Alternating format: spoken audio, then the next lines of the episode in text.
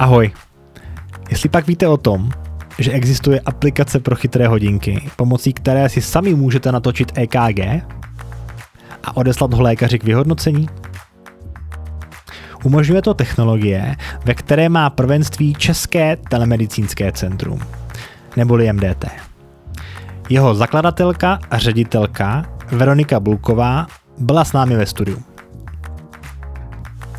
Jo, že nevíte, co je telemedicína?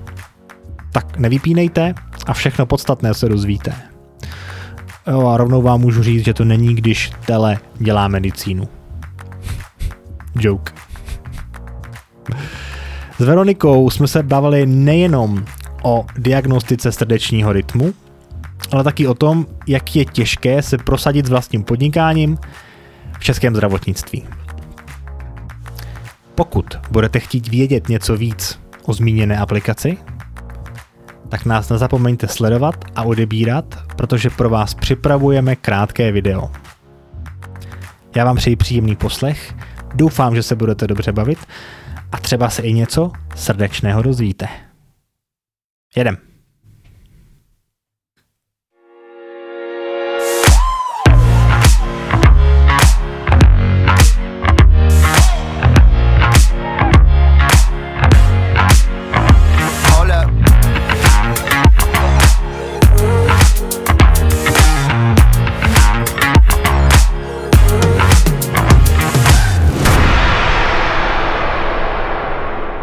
Dalším hostem Mindcastu je majitelka telemedicínského centra Veronika Bulková.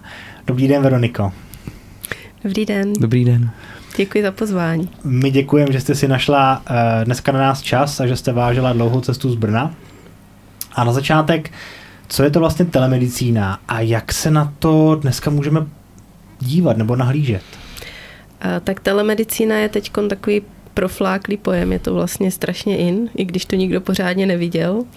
A telemedicína z našeho pohledu vlastně může být už cokoliv, co je ve spojení s pacientem na dálku, ať už je to telefonický rozhovor, ať už je to videokonferenční hovor, ale ta pravá telemedicína je vlastně přenos reálných dat od pacienta z mého pohledu, kdy jsme schopni reagovat eh, vlastně na změny fyziologických funkcí nebo na včas, vlastně včasnou zareagovat na včasnou diagnózu diagnózu, anebo i uh, samotný uh, přenos operací nebo po, pomoc při operacích vlastně na dálku.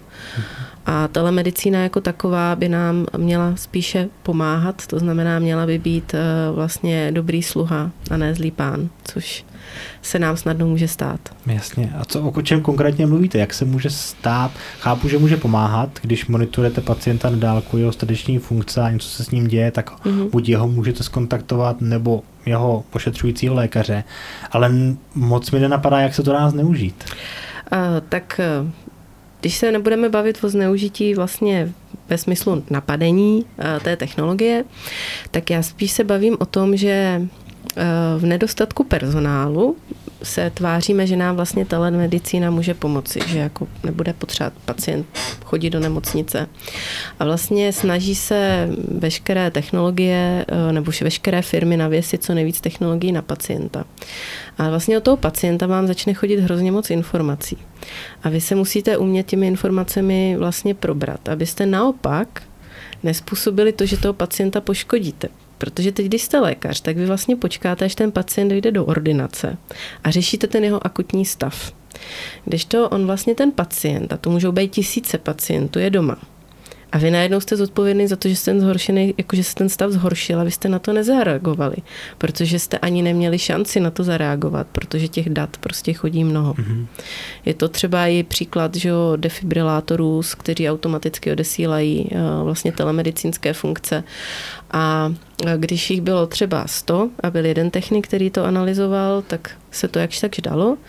Teď vlastně už máte třeba napojených 500 pacientů v každém centru od každé firmy a teď každá ta firma má svůj webový portál a teď ten člověk se má logovat na těch pět portálů a má teda sledovat, jestli náhodou tam nedochází k nějakému zhoršení stavu zdravotního. Takže já si myslím, že ve chvíli, kdy přistoupíme na to, že vlastně telemedicína je pro všechny, tak vlastně zjistíme, že na to nemáme personál. Jako ty lidi, kteří to budou kontrolovat nebo vyhodnocovat ty data. Mm-hmm. A co konkrétně děláte, co, co dělá vaše firma? Protože jsme se bavili, já chápu, že se můžu dívat na nějaký mm-hmm. přímý přenos z operace, ale můžu taky sledovat mm-hmm. záznam srdeční činnost mm-hmm. pacienta na dálku, protože mm-hmm. dneska ta technologie to umožňuje. Vy se teda zabýváte kterou tou stránkou té telemedicíny? Uh, tak eh, vlastně naše zdravotnické zařízení sleduje pacienty uh, ve smyslu posílání EKG, to znamená, pacienti na sobě mají EKG přístroj, který odesílá data odesílá je ne úplně online, ale odesílá je vlastně v časových blocích, kde to spoždění je 30 vteřin. Uh, to znamená, neslouží to jakoby zástup té klasické telemetrie v nemocnici, protože my nejsme schopni zareagovat a vlastně tak se to i jakákoliv telemedicína, která je poskytována doma, je vlastně pro pacienty, kteří nejsou v, oku, v akutním ohrožení života. Mm-hmm. A, takže vlastně my to EKG snímáme, analyzujeme ho a průběžně vlastně vyhodnocujeme. A to je přesně ten moment, co je i třeba u těch defibrilátorů, pacemakerů, u jakýchkoliv technologií, že vy vlastně nad to musíte postavit, teď je taky další takové cool slovo, umělá inteligence, neuronové sítě, že vlastně takový filtr, který vám předfiltrovává to ohromné množství dat a vlastně upozorňuje vás na ty kritické pacienty, protože my teď třeba eh, dejme to máme 100 zaměstnanců, z toho 60 vlastně každý den analyzuje ty EKG, ale online, vlastně v tom online jako monitoringu máme 2,5 tisíce pacientů. Takže když si představíte tu nemocniční telemetrii, kde máte 8 monitorů a ta jedna sestra na to kouká, stejně potřebujete, aby to zapípalo, protože si hmm. nevšimne, že se tam něco děje, tak vlastně je to úplně ten stejný princip, že my jako nejsme schopní online vlastně v jednotném čase sledovat těch 2,5 tisíce pacientů. Takže bez toho, aniž bychom vlastně předřadili uh, vlastně nějakou umělou inteligenci, přesto to nejsme schopní dělat. Ale i tady v tom množství vlastně už začíná být ten problém, že musíte mít 60 lidí. Že? A teď si představte, že vlastně bychom přistoupili na myšlenku, že všichni pacienti budou mít chytré hodinky nebo nějaký čip a jejich praktik by je měl nějak sledovat. No a nepomohla by to právě tomu eh, tady ta filtrující stránka té umělé inteligence? Určitě. Ale teď si položme otázku, co když najednou vlastně začneme zachytávat ty nemocné včas a vlastně místo třeba 700 tisíc diabetiků jich najednou budeme mít 900 tisíc těch diabetiků a vlastně nám klesá počet eh, lékařů diabetologů. Jak teda ty pacienty člověka, budeme jasný. léčit? Hmm. Vlastně jestli, a v tom já vidím tu úlohu toho zlého pána, že to je jako strašně super, to já jako vůbec neříkám, že prevence není super, to je skvělý, ale vlastně nevím, jestli budeme mít úplně finance na léčbu a vůbec personální kapacity na léčbu těch pacientů. No a nepomohlo by právě tomu to, když ten člověk bude včas diagnostikovaný, že se potom nedostane v akutním stavu do té nemocnice, kde se do něj vloží v úvozovkách samozřejmě strašně moc peněz právě za tu jeho léčbu, která je ta akutní? Určitě. Ale otázka je, jestli právě pro ty lékaře bude zajímavý dělat tady ty méně závažné případy a sedět v té ambulanci s těma mnoha tisíce pacienty. Hmm. A jsme zpátky právě u toho, kdo bude dělat jakou medicínu a jak ta medicína bude pro koho zajímavá. Ukazuje se vám to v praxi, že by tahle ta situace mohla nastat, že zachytáváte Eh, pomocí toho monitoringu nějaká onemocnění, která by se dřív neukázala? Ehm, nám se to ukazuje, protože my už máme pacienty indikované vlastně s nějakou diagnózou, když ho vyšetřujete. Ať už jsou to pacienti po cévní mozkové příhodě v rámci vlastně screeningu toho proč se ta příhoda stala, anebo jsou to pacienti eh, se srdečními problémy či palpitacemi. Takže u nás to spíš už vlastně nefiltrujeme celou populaci, možná se pak spíš vrátím k Apple Watchům, kde mm-hmm. je to ta celá populace, ale vlastně už máme ty pacienty preselektované těmi kardiology. To znamená, už prošli tou kardiologickou ordinací a je tam už vyselektovaná populace, u které předpokládáme záchyté arytmie. Co se mně stává osobně, což mě někdy mrzí, že my zachytíme ten problém, třeba typicky pacient většinou v sobotu, chytíme třeba nějakou závažnou pauzu 20 vteřinovou, jsem třeba řešila. Eh, zavolám vlastně na jako neuro... v srdeční činnosti. V srdeční činnosti, že vlastně pacient ztratil vědomí. Eh, vlastně nám to přijde jako alert a já teď vlastně chci informovat toho ošetřujícího lékaře, což samozřejmě u ambulantního kardiologa je nemožné. nemožné. A třeba u pacienta, já jsem třeba teď nedávno řešila neurologického pacienta, tak jsem volala vlastně na tu neurologii a teď vy tam zavoláte, řeknete paciente na ten, měl tady tu epizodu, eh, je tedy důležité ho in hospitalizovat a indikovat eventuálně k implantaci kardiostimulátoru a vlastně dojde se, a co já s tím, já na to nemám čas. A říkám, tak co mám teda udělat? No my ho tady nechceme a já nemám čas teď volat někam na kardiologii a zajišťovat jeho hospitalizaci tak vlastně pak ještě někdy se nám stává i to, že vlastně tím, že se pohybujeme v té kardiologii, v arytmologii, tak ještě vlastně vytelefonováváme příjem toho pacienta vlastně na kardiologickou kliniku, aby ho tam zhospitalizovali. Jo, nebo běžně se mi stává, že než vůbec informuji toho lékaře, tak s tím strávím šest telefonátů, kde si mě všichni připojou, protože nikdo vlastně toho pacienta nechce a nemá čas řešit. Proč teda toho pacienta nechali monitorovat, protože ve chvíli, kdy já bych chtěl se chtěl k tomu postupu. Je nějaký pacient, vy jste říkali, že už je diagnostikován nebo má nějakou chorobu nebo má za sebou infarkt myokard nebo cévní mozkovou příhodu a tento pacient pro, po zaléčení těchto, řekněme, nemocí eh, je objednán u vás na monitoraci mm-hmm. ošetřujícím lékařem.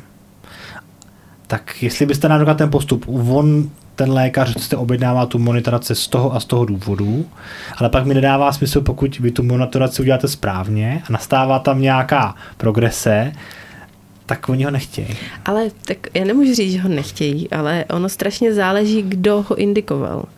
Když je to ambulantní kardiolog, tak ten většinou samozřejmě si toho pacienta dořeší a máme třeba jenom smůlu, že je to o tom víkendu, mm-hmm. kdy ten lékař není v té ordinaci. Jasně. Ale já ten problém vidím jako ve velkých centrech, kde vlastně většinou toho pacienta indikují při propuštění v rámci vlastně guidelines. A ať chceme nebo ne, tak vlastně všichni jsou přetížení. A vlastně najednou vy, vy tím, že to budete zařizovat, a já ty lékaře chápu, že vlastně zařizujete ten překlad někam, než se dovoláte, tak oni s tím stráví hodinu času než vlastně zajistí, kdo si toho pacienta vezme. Protože tu hodinu s tím strávím i já. Že zavolám na to centrum, teď mě připojí přes tři doktory, nebo mám to štěstí, že většinou znám nějakého už hlavního arytmologa, tak tam je to samozřejmě rychlejší, ale třeba doktor z neurologie, když zavolá na kardiologii, tak se musí dostat třeba přes tři doktory, než mm-hmm. ho zindikují. A to děláte u vás ve firmě přímo vy? Uh, tak hodně často já, mm-hmm. protože vlastně ještě kontroluji ty nálezy, anebo to ten, kdo má službu.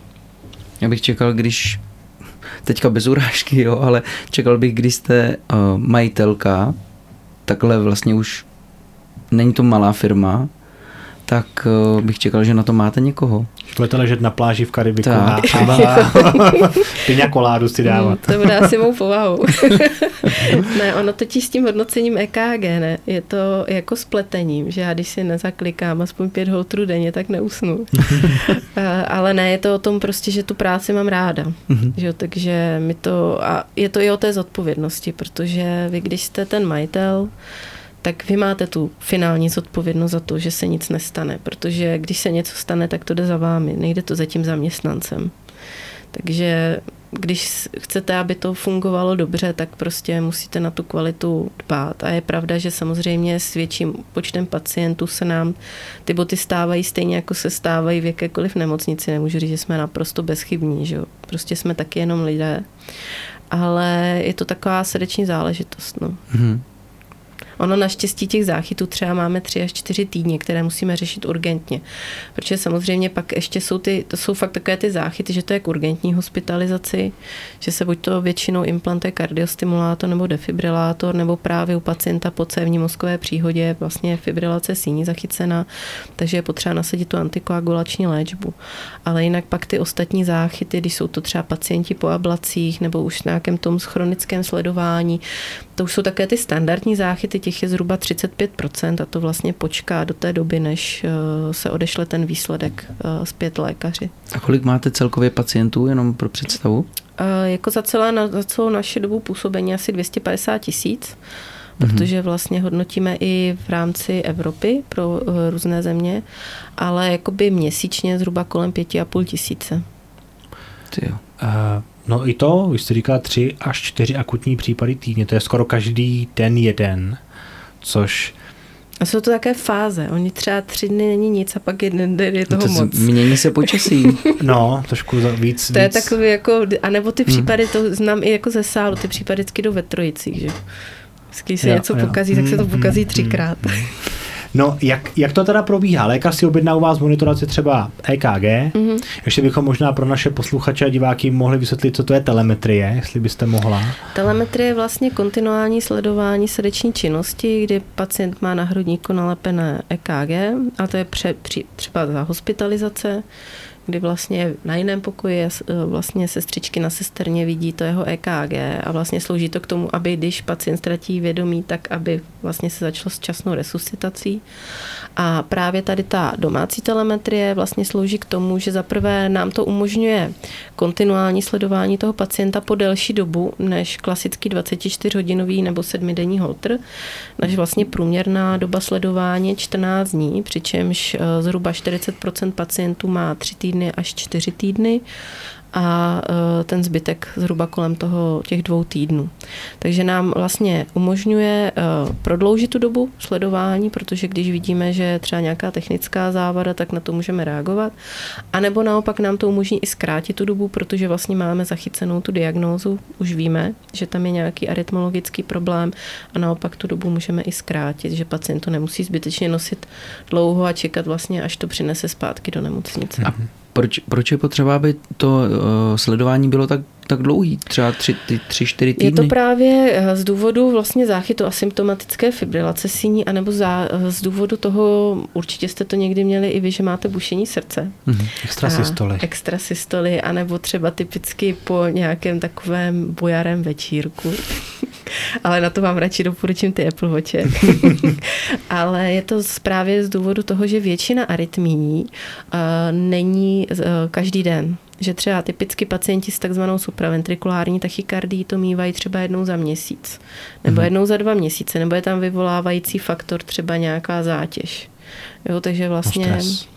Stres, nebo typicky je to třeba nějaký sportovní výkon. Hodně máme sportovců, hodně máme dětí, protože arytmie jsou i v dětském věku, že jo, ať už vrozené hmm. nebo prostě získané.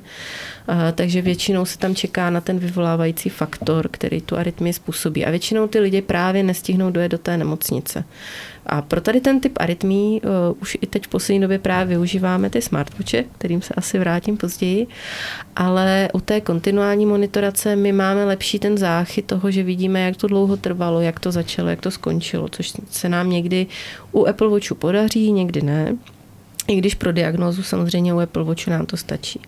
A pak jsou pacienti s fibrilací síní, což je velice riziková arytmie z důvodu tvoření trombu v levé síni, kdy vlastně nerozpoznaná eh, může způsobit cévní mozkovou příhodu, což je takový bych řekla hodně Závažný stav. hodně závažný stav s velkým dopadem do, na kvalitu života. A o tu nám právě jde. Protože když ten pacient tu arytmii cítí, tak vlastně na to EKG většinou dojede nebo ho zachytíme. Ale když ji necítí, což se stává starším lidem nebo lidem po ablaci fibrilace síní a mají třeba už vysazenou antikoagulační léčbu, tak u nich právě potřebujeme zachytit tu asymptomatickou fibrilaci síní. Je nutné, nebo takhle monitorujete srdeční aktivitu u lidí, kteří mají už implantovaný kardiostimulátor nebo kardioverter? Výjimečně jo, protože můžou docházet i k poruše stimulace. A ne vždycky ty holterovské funkce jsou úplně dokonalé, ale samozřejmě je to jako minoritní záležitost, protože ty pacemaker nebo defibrilátory v sobě mají vlastně uh, ty holtrovské funkce automaticky a ve chvíli, kdy mají k sobě i home monitoring, tak uh, vlastně ty zprávy přenášejí také. Mhm. Takže kromě guidelineovského důvodu, kdy ti lékaři mají sepsaná nějaká pravidla a měli by eh, ty služby vaše využít, ten další, ty další důvody jsou kontrola po nějaké léčbě, kontrola eh, v správnosti funkce kardiostimulátorů, jsou tam ještě nějaké další? No a pak jsou to vlastně ty palpitace. To je největší skupina pacientů. palpitace je co? To je bušení srdce. Bušení srdce. přeskakování srdce. Takže to je vlastně, vy nemáte, vy jako kardiolog jste vlastně vyloučil nějaké organické změny, protože jste udělal echokardiografii, udělal jste 24-hodinový monitoring, ale vlastně ten pacient ty obtíže udává, jak jsem říkala, už třeba jednou měsíčně, takže v tu chvíli je s výhodou přistoupit té dlouhodobější mm-hmm. monitoraci.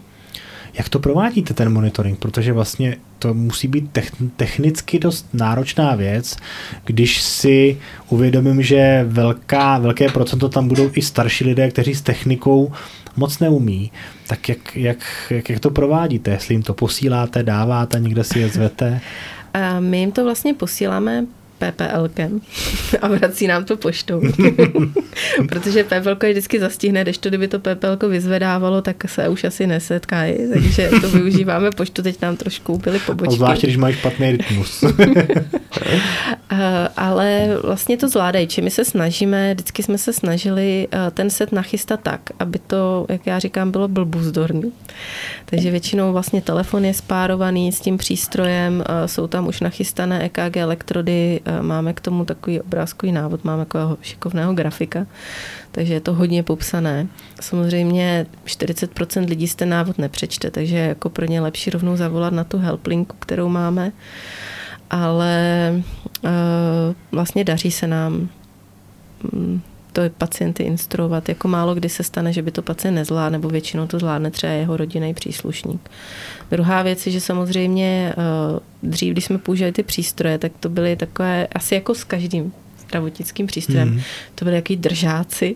Takže přístroje, který jsme koupili ve 2.8, ještě teďka používáme. Když to přístroje, který třeba koupíme ve 2.19, tak už jsme vyřadili, protože eh, dosloužili vlastně čím méně se to miniaturizuje, čím je to prostě jako hrozně hezký a má to ty red dot ceny, mm-hmm. tak tím více to kazí a není to tak blbůzdorný. No sice je to pěkný, ale je to nefunkční. Mm. Takže my jako třeba ročně testujeme třeba 30 až 40 různých zařízení, aby vlastně jsme vždycky našli to bych tak řekla, nejvíce pacientsky příjemné a uživatelsky příjemné, aby to vlastně pacienti zvládli. A zároveň my jsme z toho dostali co největší počet informací. Jak to vypadá to zařízení? To je nějaká krabička, která je spárovaná s telefonem a ten my telefon? My používáme víc, dokonce uh, i vlastně pacienty už při, protože my všem pacientům voláme, když vlastně dobdržíme objednávku, tak jim voláme a už tak jako provádíme první screening eh, technických znalostí. Když zvednou telefon, tak jsou na tom dobře. a podle toho i volíme zařízení, že třeba větši, většinou starším lidem posíláme, třeba máme asi šest typů zařízení, takže třeba starším lidem posíláme zařízení, který už v sobě má SIM kartu, aby vlastně nemuseli eh, k tomu mít ten telefon a paterku jenom vycvaknou, nacvaknou novou. Mladším lidem třeba posíláme nálepkový eh, holtery, protože víme, že zvládnou si to nalepit a je to zase pro ně, když sportují lepší, že vlastně si to jenom nalepí a jsou schopni si to po čtyřech dnech tu nálepku vyměnit. Takže i tak nějak jakoby provádíme ten základní screening pacientů.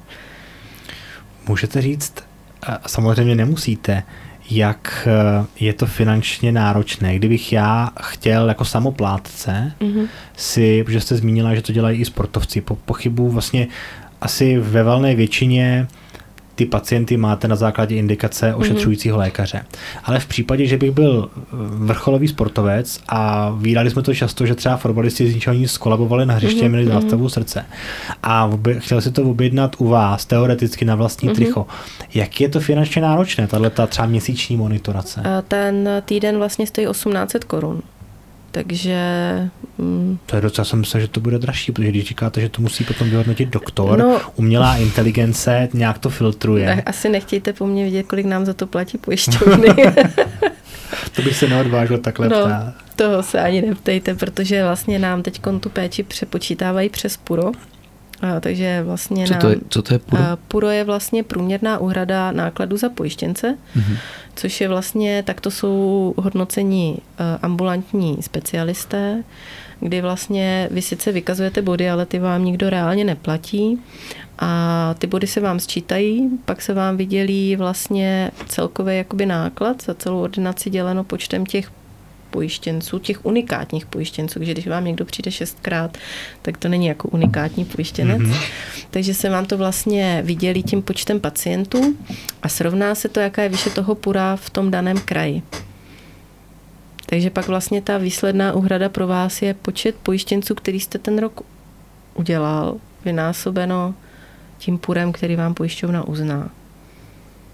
Takže si vlastně si s tím můžou dělat, co chtějí? S tou sazbou? Neměli by, ale můžete samozřejmě, jako většinou ta sazba se pohybuje třeba v kardiologickém segmentu kolem 1800 korun. Mm-hmm. To.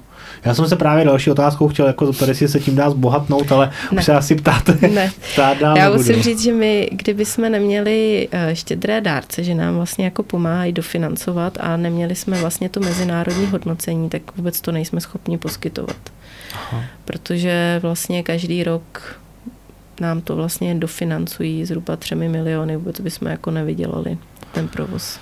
No a tak mě napadá jenom, promiňte mi tu za tu druhou otázku, proč to teda jako jste s tím začali? No, protože máme rádi arytmologii. ne, jsme s tím začali, protože vlastně eh, já dělám 20 let léčbu arytmí katetrizačně, i moji kolegové. A v roce 2008 jsme potřebovali sledovat právě pacienty po ablacích, protože tady byly jenom 24-hodinové holtry. A všichni jsme byli zaměstnaní ve fakultních nemocnicích, ale když jsme každý přišli a zeptali jsme se, my jsme potřebovali koupit server, mobilní telefony a SIM karty, tak na nás všichni koukali jako na blázny.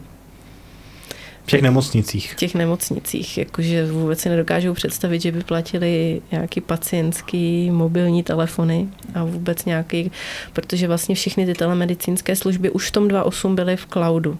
Vlastně byl jeden server, na který se to muselo posílat. Nebylo to prostě, že koupíte softwarový klíč na holter, ten strčíte do počítače a vyhodnotíte ho. A, takže my jsme právě ještě byli mladí a blbí, tak jsme si půjčili peníze a za, koupili jsme si ten server a právě to bylo takové, jako že nám ty přístroje hrozně dlouho vydržely, takže z různých pidi grantů jsme začínali s, vlastně s úhradou od pacientů, kdy se to pacienti napřímo hradili, anebo nám to pomohli dohradit ty granty. No.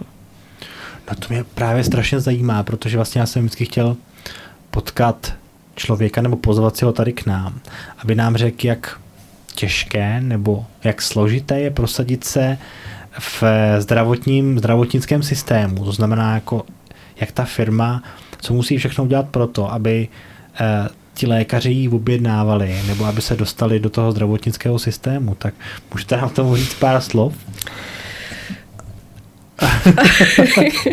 no pár více, více. A, to by bylo asi na samostatný večer při víně.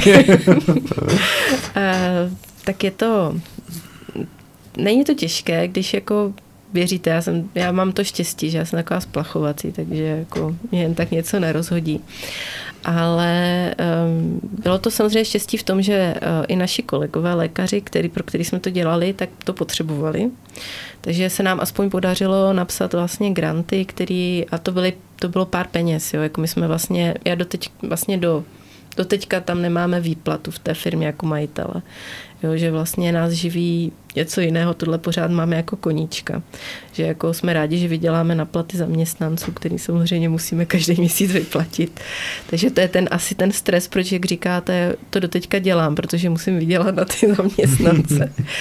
Ale začínali jsme tak, že skutečně jsme začali v jedné nemocnici, kde jsme měli nějaký pedigrant a pak jsme po kamarádech lékařích většinou se snažili nabídnout to, aby ty pacienty indikovali, protože uh, tady, a doteďka to trvá, narazíte na to, že ty pacienti nejsou ochotní si za tu péči zaplatit.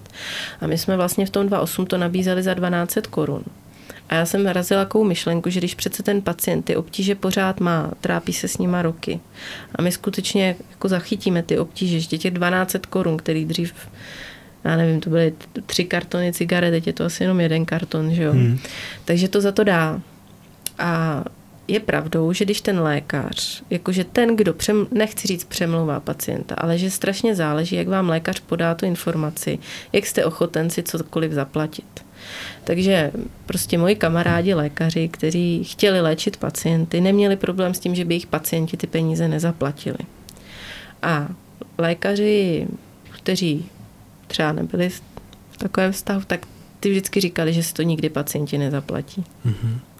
Ale já si myslím, že to je fakt o tom, jak to tomu pacientovi podáte a že ten pacient při určitě neříkám, že si má platit všechno, ale jestli se jedná o jednorázovou záležitost, která mě může vést k tomu, že jsem zindikovaný třeba ke katetrové ablaci, která definitivně ten můj problém vyřeší, tak my jsme se právě snažili to cenově a doteďka se snažíme vlastně ty ceny udržet tak, aby si to ty pacienti i ty zdravotní pojišťovny mohly domlu, jakoby dovolit. A to je i třeba důvod, proč máme i v rámci Unie největší počet vlastně odmonitorovaných pacientů. To nikde v Evropě není standardem, že by se ta péče takhle centralizovala jako u nás, že by vůbec existoval systém uh, odesílání screeningu pacientů po uh, cévní mozkové příhodě. Protože vlastně tím entuziasmem se snažíme udržet tu cenu takhle nízko. Za to to nikdo v Evropě dělat nebude. Jo, ve Finsku třeba jenom 24-hodinová monitorace stojí 200 euro. My za to dostaneme 1800 korun že jo, v půru. A když si vezmete, že třeba jenom měsíční pronájem té jednotky nás stojí 20 euro, protože teď už v poslední době se nedají ty jednotky ani koupit, dřív jsme si je mohli kupovat. Takže teď ne, nejenom, že si už nekoupíte ten cloud, ale už si nekoupíte ani ty přístroje, a tak hrozně těžko se nám to balancuje vlastně ta cena. A je to opravdu za enormního úsilí i, i našich lékařů, kteří většinou jsou zaměstnaný jinde. Máme fakt tři klíčové lékaři, kteří to dělají jako ze srdce. Vždycky nadávají, že o víkendu, ale pořád to dělají, protože ví, že to má smysl. Takže jsme v tom jako Česká republika napřed před ostatními státy v té monitoraci. A vy jste největší v Evropě, jste říkal? Já jako jiné centrum neznám a vím to jako, ne, že bych si teda dělala screening a objížděla všechny centra a asi taková statistika zatím neexistuje, ale co vlastně my spolupracujeme se eh, telemen, jakoby s firmama za zahraničí, což jsou především američani, kteří to mají vlastně rozvinuté, kde existuje v Americe vlastně tři velké firmy, které to dělají stejným stylem, ale je strašně zajímavý, že oni s tím začali ve 2.15. Že se to jako tady v Čechách vymysleli dřív než američani. Aha. Akorát, že my jsme že taky malí, tak my si to nedozvěděli. To jak, já jsem jak ten Zimmerman, to je, se mi stává často. Jako, jo. vždycky něco vymyslím a za deset let s tím někdo přijde a upatentuje si to, tak to jsem celá já. Takže vlastně oni na to takhle v Americe přešli, že vlastně lékaři indikují monitorace a oni posílají ty přístroje pacientům, jim přijde předpis, akorát, že za tu monitoraci dostanou 550 dolarů. No. Ty cenové nepoměry jsou trošku jako výrazný, no. ale zase by nám to neumožnilo, ono by byla jako cesta, ano, zdražme to, ale pak prostě to nikdo nezaplatí, ty pojišťovny to prostě nezaplatí. A kdo to bude platit, že? Takže v tuto chvíli je to hrazená, je to hrazené vyšetření mm-hmm. zdravotní pojišťovnou. A neexistuje třeba varianta, že by to bylo na částečně hrazené, že by ta pojišťovna zaplatila jenom těch, dejme tomu 1800 nebo třeba 1200 a pacient by si těch 600 doplatil. Mm-hmm. Ta varianta tady neexistuje? Uh, v, té, v českém systému zdravotnictví ne protože mm, aspoň vlastně si pacienti teda hradí to poštovné. To jo, vlastně pacienti uhradí to poštovné, co mají. Což si myslím, že kdyby si pro ten holter měli jet ke kardiologovi nebo i k nám, tak utratí daleko víc. A i s tím ty problém, pacienti mají problém. No jak jde, moje babička třeba tvrdí, já tam dojedu, já mám, že má přes 70, mám zdarma MHD, že jo, takže ale stálo by jí to energii, určitě a čas. Určitě do Brna z Opavy, to je daleko. no. ale jako ta možnost tam je, my máme samozřejmě i, že pacienti k nám chodí si to vyzvedávat ve chvíli, kdy nechtějí těch 300 korun zaplatit, nebo prostě jsou z Brna, tak jim to ani nenabízíme, že bychom jim to posílali. Ale uh, dokonce jsme už museli zavést eh, dobírku, jakoby, já jsem se tomu hrozně léta bránila, akorát jsme pak zjistili, že fakt máme 20% neuhrazených těch poplatků, že jsme to jako, že mi bylo vždycky hloupý pacientovi něco poslat a chtít jako rovnou při převzetí ty peníze, takže jsme jim to vlastně dávali fakturu, že, aby to uhradili. A opravdu jako jsme, máme jako 20% za posledních 8 let prostě každý rok 20% neuhrazených faktur i přes opakovaný. Jako, a i když tam je třeba záchyt, tak se nám stává, že stejně jako to z nich nedostaneme. Takže jsme vlastně zavedli dobírku, aby jsme aspoň tady tomu přešli. Ty důchodci jsou zvyklí na složenky, ne? Tak no, to jsme taky vypisovali, jo, jo, jo. Ale jako já to nechci soudit, protože skutečně jako spousta lidí s tím může mít problém, ale mě to pak mrzí ve chvíli, kdy fakt vidíte, že ty lidi jdou a koupí si třeba v benzim nebo prostě něco jiného v lékárně za tisíc korun, který prokazatelně jim ten život nezachrání. Jo, ale Jenom potlačí Nic s tím neudělám, protože oni to vnímají, že to objednal jejich kardiolog a kardiolog teda, jako, že to je zdravotní péče, která má být prostě z toho hrazená. No. Mhm. Dokonce je to i tak zajímavé, že my jsme vlastně 8 let eh, jeli jenom na tu, než se nám podařilo, že já jsem hro- hrozně přednášela, vlastně snažila jsem se vůbec to mezi ty, ono vám fakt třeba trvá 8 až 10 let, než vůbec ty lékaři to akceptují, že něco takového existuje, že to může pomáhat. Musíte napsat bambilion článků, než jako všichni teda se to proteče až úplně na ty Mhm, nejnižší, mhm, mhm. eh, nejnižší stádium. A vlastně musím říct, že ty pacienti, já vím, že to zní teď divně, jo, ale byli prostě na nás milejší a ty přístroje nám míň jako ničili, Ničili. než když je to teď hrazené ze zdravotního pojištění. Jsou jako fakt na nás někdy vulgární. Musím tak jasně, holky na protože jako- zákaznickým hodně. Taky. Často na, tom, tam, na těch telefonátech se musí jako střídat, protože jsou někdy z toho hodně smutný. Opravdu. Mhm. A, a jaký, máte nějakou statistiku, jaký je průměrný věk pacientů, kteří jsou Mhm, monitorovaní? Průměrný věk je 56 let. Jo, není to zase jako úplně, protože... Aha, já jsem myslel, že to budou starší, já jsem myslel, že tak Ne, ne, ne, 65. protože uh, hodně často fakt my máme tak 30% až 40% jsou lidi zhruba v tom věku od 30 do 60 let, protože to jsou i lidi po ablacích. A takhle mladý teda. Mhm, No i děti, že jo. My vlastně monitorujeme, není to jako ve velkým, ale třeba, nevím, 50 dětí měsíčně určitě. Jako monitorujeme, no. No a jaká je zpětná vazba od těch pacientů i lékařů, když po, po těch, vlastně říkala jste 2008, tak to v podstatě bylo nějakých 15, 15 let. Mhm. Je to správně 15? Mhm. Mm-hmm. Tak jaká je teďka jako zpětná vazba u těch, co se nechali přesvědčit i u těch, u těch pacientů? Jestli, by nás, jestli jsou s tím spokojení a jestli to vnímají jako A dobrou... tak eh, máme na Gmailu asi 500 referencí. Já myslím, že občas se nám samozřejmě stane, že někdo naštve, ale většinou pozitivních. Ale já myslím, že to je jako s, každým, s každou zdravotní péčí, kterou poskytnete. Já nevím, kolikrát se stane, že přijde pacient a vděčně eh, děkuje záchranáři eh, nebo někomu v nemocnici, že mu zachránil život. To se nám moc Nespíš, že si ti lékaři vám, eh, vás, si vás pozí, pozývají znovu, nebo využívají vašich služeb znovu, když se jim to u Určitě, jednoho pacienta. určitě, určitě ano. A my i hodně přednášíme, takže jako jsme součástí té odborné komunity, stejně jako my se snažíme pomoci jim, tak oni se snaží pomoct. Vlastně bez toho nejsou ty diagnózy, že vlastně, když nemáte EKG, nemůžete léčit. Takže vlastně i třeba vystavujete na kongresech kardiologických? Jak neřekla, že vystavujeme, máme tam jakoby stánek, ale spíš tak jako edukujeme ty lékaře. Protože ty stánky jsou st- jako strašně drahý tam. No No, my však máme vždycky úplně ten nej, nejmenší stánek u záchodu. No to je dobré, tam musí všichni, ale to je nejlepší strategie, protože na záchod musí všichni, ještě když si když kápnete projímadlo do chlebíčku. děláme jako legraci, že vždycky dostaneme ten nejmenší stánek u záchodu, Já, protože ale vždycky jako- máme nejmenší no, jako za to. Ale kor na kardiologických kongresech, kde prostě oni jsou zvyklí u těch- od těch farmafirem dostávat 100 tisíce, tak i třeba jako 2 metry čtvereční stojí nějakých 50 tisíc. No, tak to máme to přesně ty dva metry. Tohle pro mě je 50. Ale my jako nevystavujeme často, my akorát se zúčastněme sjezdu v Brně, protože spíš my to bereme jako takový místo setkání, že vlastně všichni lékaři, kteří k nám jakoby posílají, tak se u nás zastaví a právě probereme, co je tíží, co je netíží, co máme nového, jaký máme nový přístroj, aby vlastně oni věděli, co těm pacientům posíláme. Takže my to spíš nebereme jako stánek, ale spíš takový meeting point. Ale je dobrý, jako, že vás je vidět a přednášíte, jste říkal, že přednášíte, to myslíte na těch kongresech, Mhm. mm-hmm. nebo? Mm-hmm. A tam vás pustí mezi sebe, jo? No já Protože nevím, jak někdy se to mi to stalo, těžký. ale pustí. No. Já jsem vlastně tím, že dělám 20 let arytmologii a jsem i vlastně součástí výboru České kardiologické společnosti, vlastně té z asociace pro srdeční rytmus a hodně i se zabývám problematikou DRG a vlastně úpravy kódů kardiologických.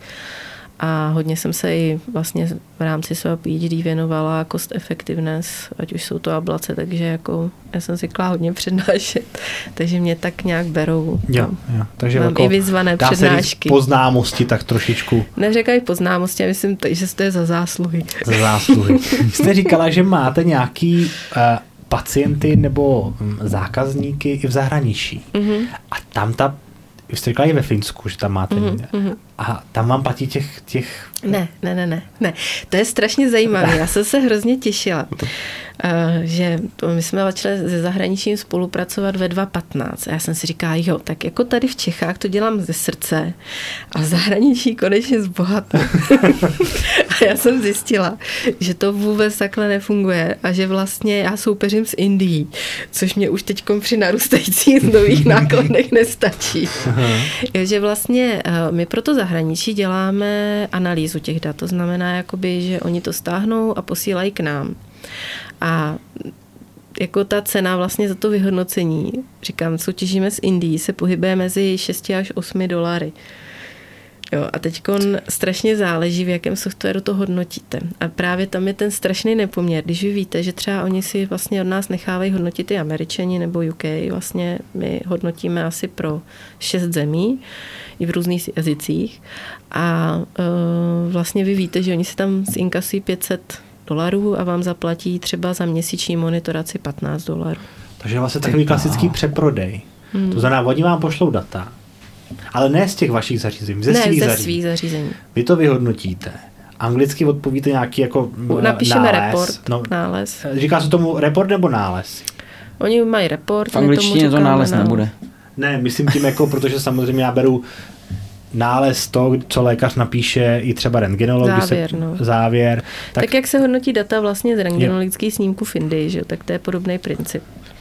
Prostě pošlou data a dostanou výsledky. Ty jo. Takže ta konkurence už je teďka velká, teda i v Indii. No vlastně konkurence Indie, Singapur vlastně a Malajzie. To jsou spíš ty východní země. Když já nevím, jestli bych chtěla, aby moje výsledky hodnotil nějaký Ind, protože přece jenom... No právě proto Evropu hodnotíme v Čechách. Protože je. oni s tím vlastně v rámci eh, GDPR a v rámci vlastně toho mají problém to do té Indie posílat. Proto se odklonili k nám. Mm-hmm. Ale mm-hmm. říkám, zbohatnout na tom nebohatném, protože fakt, když se mete 13 euro a spočítáte si to, nebo 8 euro, to strašně záleží, jako v jakém softwaru. A teď, že jo, ať chceme nebo ne, tak každý rok o 10% rostou platy. Tak eh, když Komu? ten... Je teda... no, tak ve zdravotnictví. Jo, ve zdravotnictví. A uh, vlastně vy si potřebujete ty lidi udržet. A teď takže musíte ty platy na, vlastně na, navýšit tak eh, když ten holter, on bude vyhodnocovat hodinu nebo dvě hodiny a má prostě třeba průměrný plat, já jen 300-350 korun na hodinu, tak vlastně nejsem vůbec schopná ty náklady pokrýt. Mm-hmm. Takže teď už se to pro nás no, tak když je to konkurenceschopný. Mhm. Je to taková citlivá otázka, jo. Když tak řekněte, jestli nechce to odpovídat, ale M- MDT, vaše firma, uh, můžete nám prozradit třeba nějaký vaše dlouhodobé cíle? Třeba, třeba jestli máte nějaký, nějaký ne, třeba nějaký nápad, eh, jak to zlepšit tohle? Uh, no to, co si, jste teďka popsala, vlastně já si myslím, to, že, se to jako my to zlepšujeme tím, nebo snažíme se vlastně to zlepšovat tím, že ať už jsme třeba vyvinuli ve spolupráci s Ústavem přístroje techniky Akademie věd e- náš AI, nebo prostě vlastně vymyslet software, Máte vlastně umělou inteligenci mm, na to? který nám vlastně jako zrychlí tu práci. Jo, mm-hmm. Že mhm. nám to vlastně předfiltruje mnohem lépe než ty softwary. Protože my jsme třeba teď přecházeli na nový eh, software vlastně od eh, jedné té americké, od toho jednoho telemedicínského centra eh, a vlastně rázem nám to zpomalilo, místo 15 minut nám to trvá 45 minut. A to je jenom prostě proto, že ten software ví někdo, kdo s tím v životě nedělá. Mm-hmm. Protože si k tomu sednete, já jsem si k tomu prostě sedla, když už jenom pominu tu jako bariéru mentální, jakož už nejsem nejmladší a musím se to zase no, znova naučit, tak si jenom sednu a okamžitě vidím deset chyb který to prostě najdu. A říkám, to není možný. Oni na tom už jedou půl roku a ty chyby nemají vychytaný. Jakože ono i strašně záleží, jak ten člověk, proto je třeba i když si my navrhujeme naše softwarové řešení, nebo i vlastně, tak vlastně to děláte jako ze spodu, že vy naprosto přesně víte, co potřebujete, aby ten software to dělal. Když to oni, většina těch firm jde opačně, že oni vědí, jako, jak to dělá konkurence, jak si myslí, že by to mělo být. A jak a by to mělo to vydat, aby se to dobře prodávalo? Tak a někdy jako to řešení není úplně to nejlepší. No. Hmm.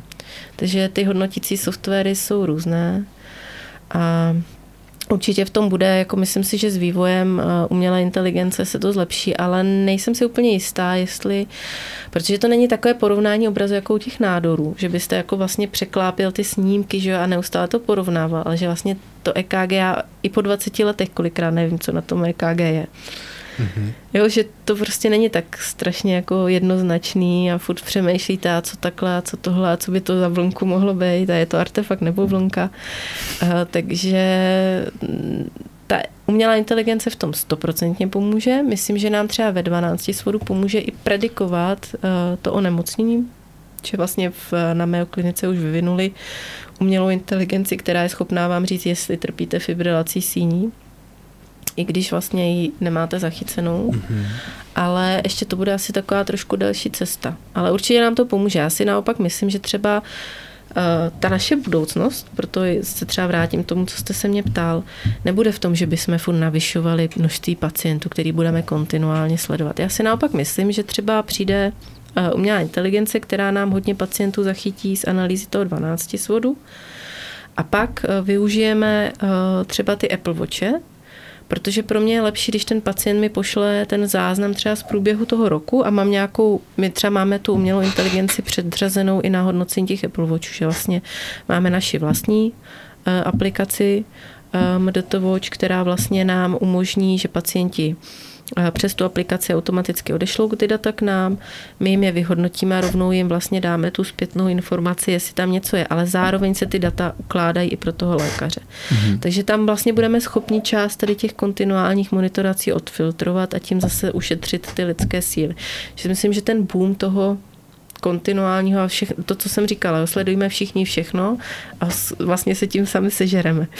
Mm, no, takže to asi trošku poleví tady s mhm. tím, eh, že třeba zlepšíme vlastně detekci těch arytmí třeba na, na základě těch hodinek.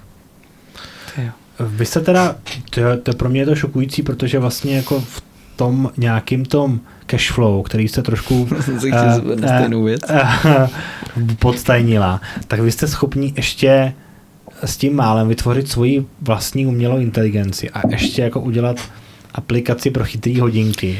No, to jsme, to jsme schopni to... z důvodu toho, že jsme eh, vlastně napsali Toucher, takže vlastně jsme dostali eh, grantové peníze, takže z těchto vlastně eh, jsme udělali.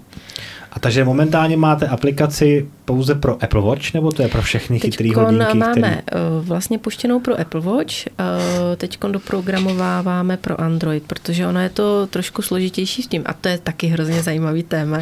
Se omlouvám, já jsem hrozně upovídaná. To je dobře. Tady já jsem totiž se dostala do světu aplikací a to je pro mě teprve jako to správný kouzlo, že já jsem si vždycky myslela, že si aplikaci stáhnu na Apple Store a zaplatím že to měsíční fíčko. fíčko, třeba za jogu, mm-hmm. no, abych nemusela chodit někam. A vlastně říkala jsem si, jak to nemůže být těžký, tak programátor naprogramuje tu aplikaci. Takže na programování aplikace nás stalo 700 tisíc taková blbost, jako že vám to jenom přeposílá EKG a zpátky vám přijde informace, jako že to EKG je v pořádku. Mm. Ale to mě ještě tak nešokovalo, to jsem se ještě tak jako rozdýchala, protože ty programátoři berou, že jo, ty, ty stojí hrozný peníze, mm. ale oni je prý taky nahradí ta umělá inteligence, jako se na to těším. Nebo že ty kódy se jako opakujou, že jo, takže tam prostě tady tlačítko vlevo nahoře. No, že třeba by to stálo, jako mě adekvátně by přišlo třeba 150 tisíc, jako na takovou apku. Jo. No já právě, kdybych dal 150, tak se bojím, jestli je to bezpečný. No já nevím, jestli jako za 700 je to bezpečný, ale jako můžeme se o tom když bavit. To, když to prošlo Applem, těch kontrolními no mechanizmy, tak, tak a teď, asi jo? No, tak ono za 150 by to taky mohlo projít, jo.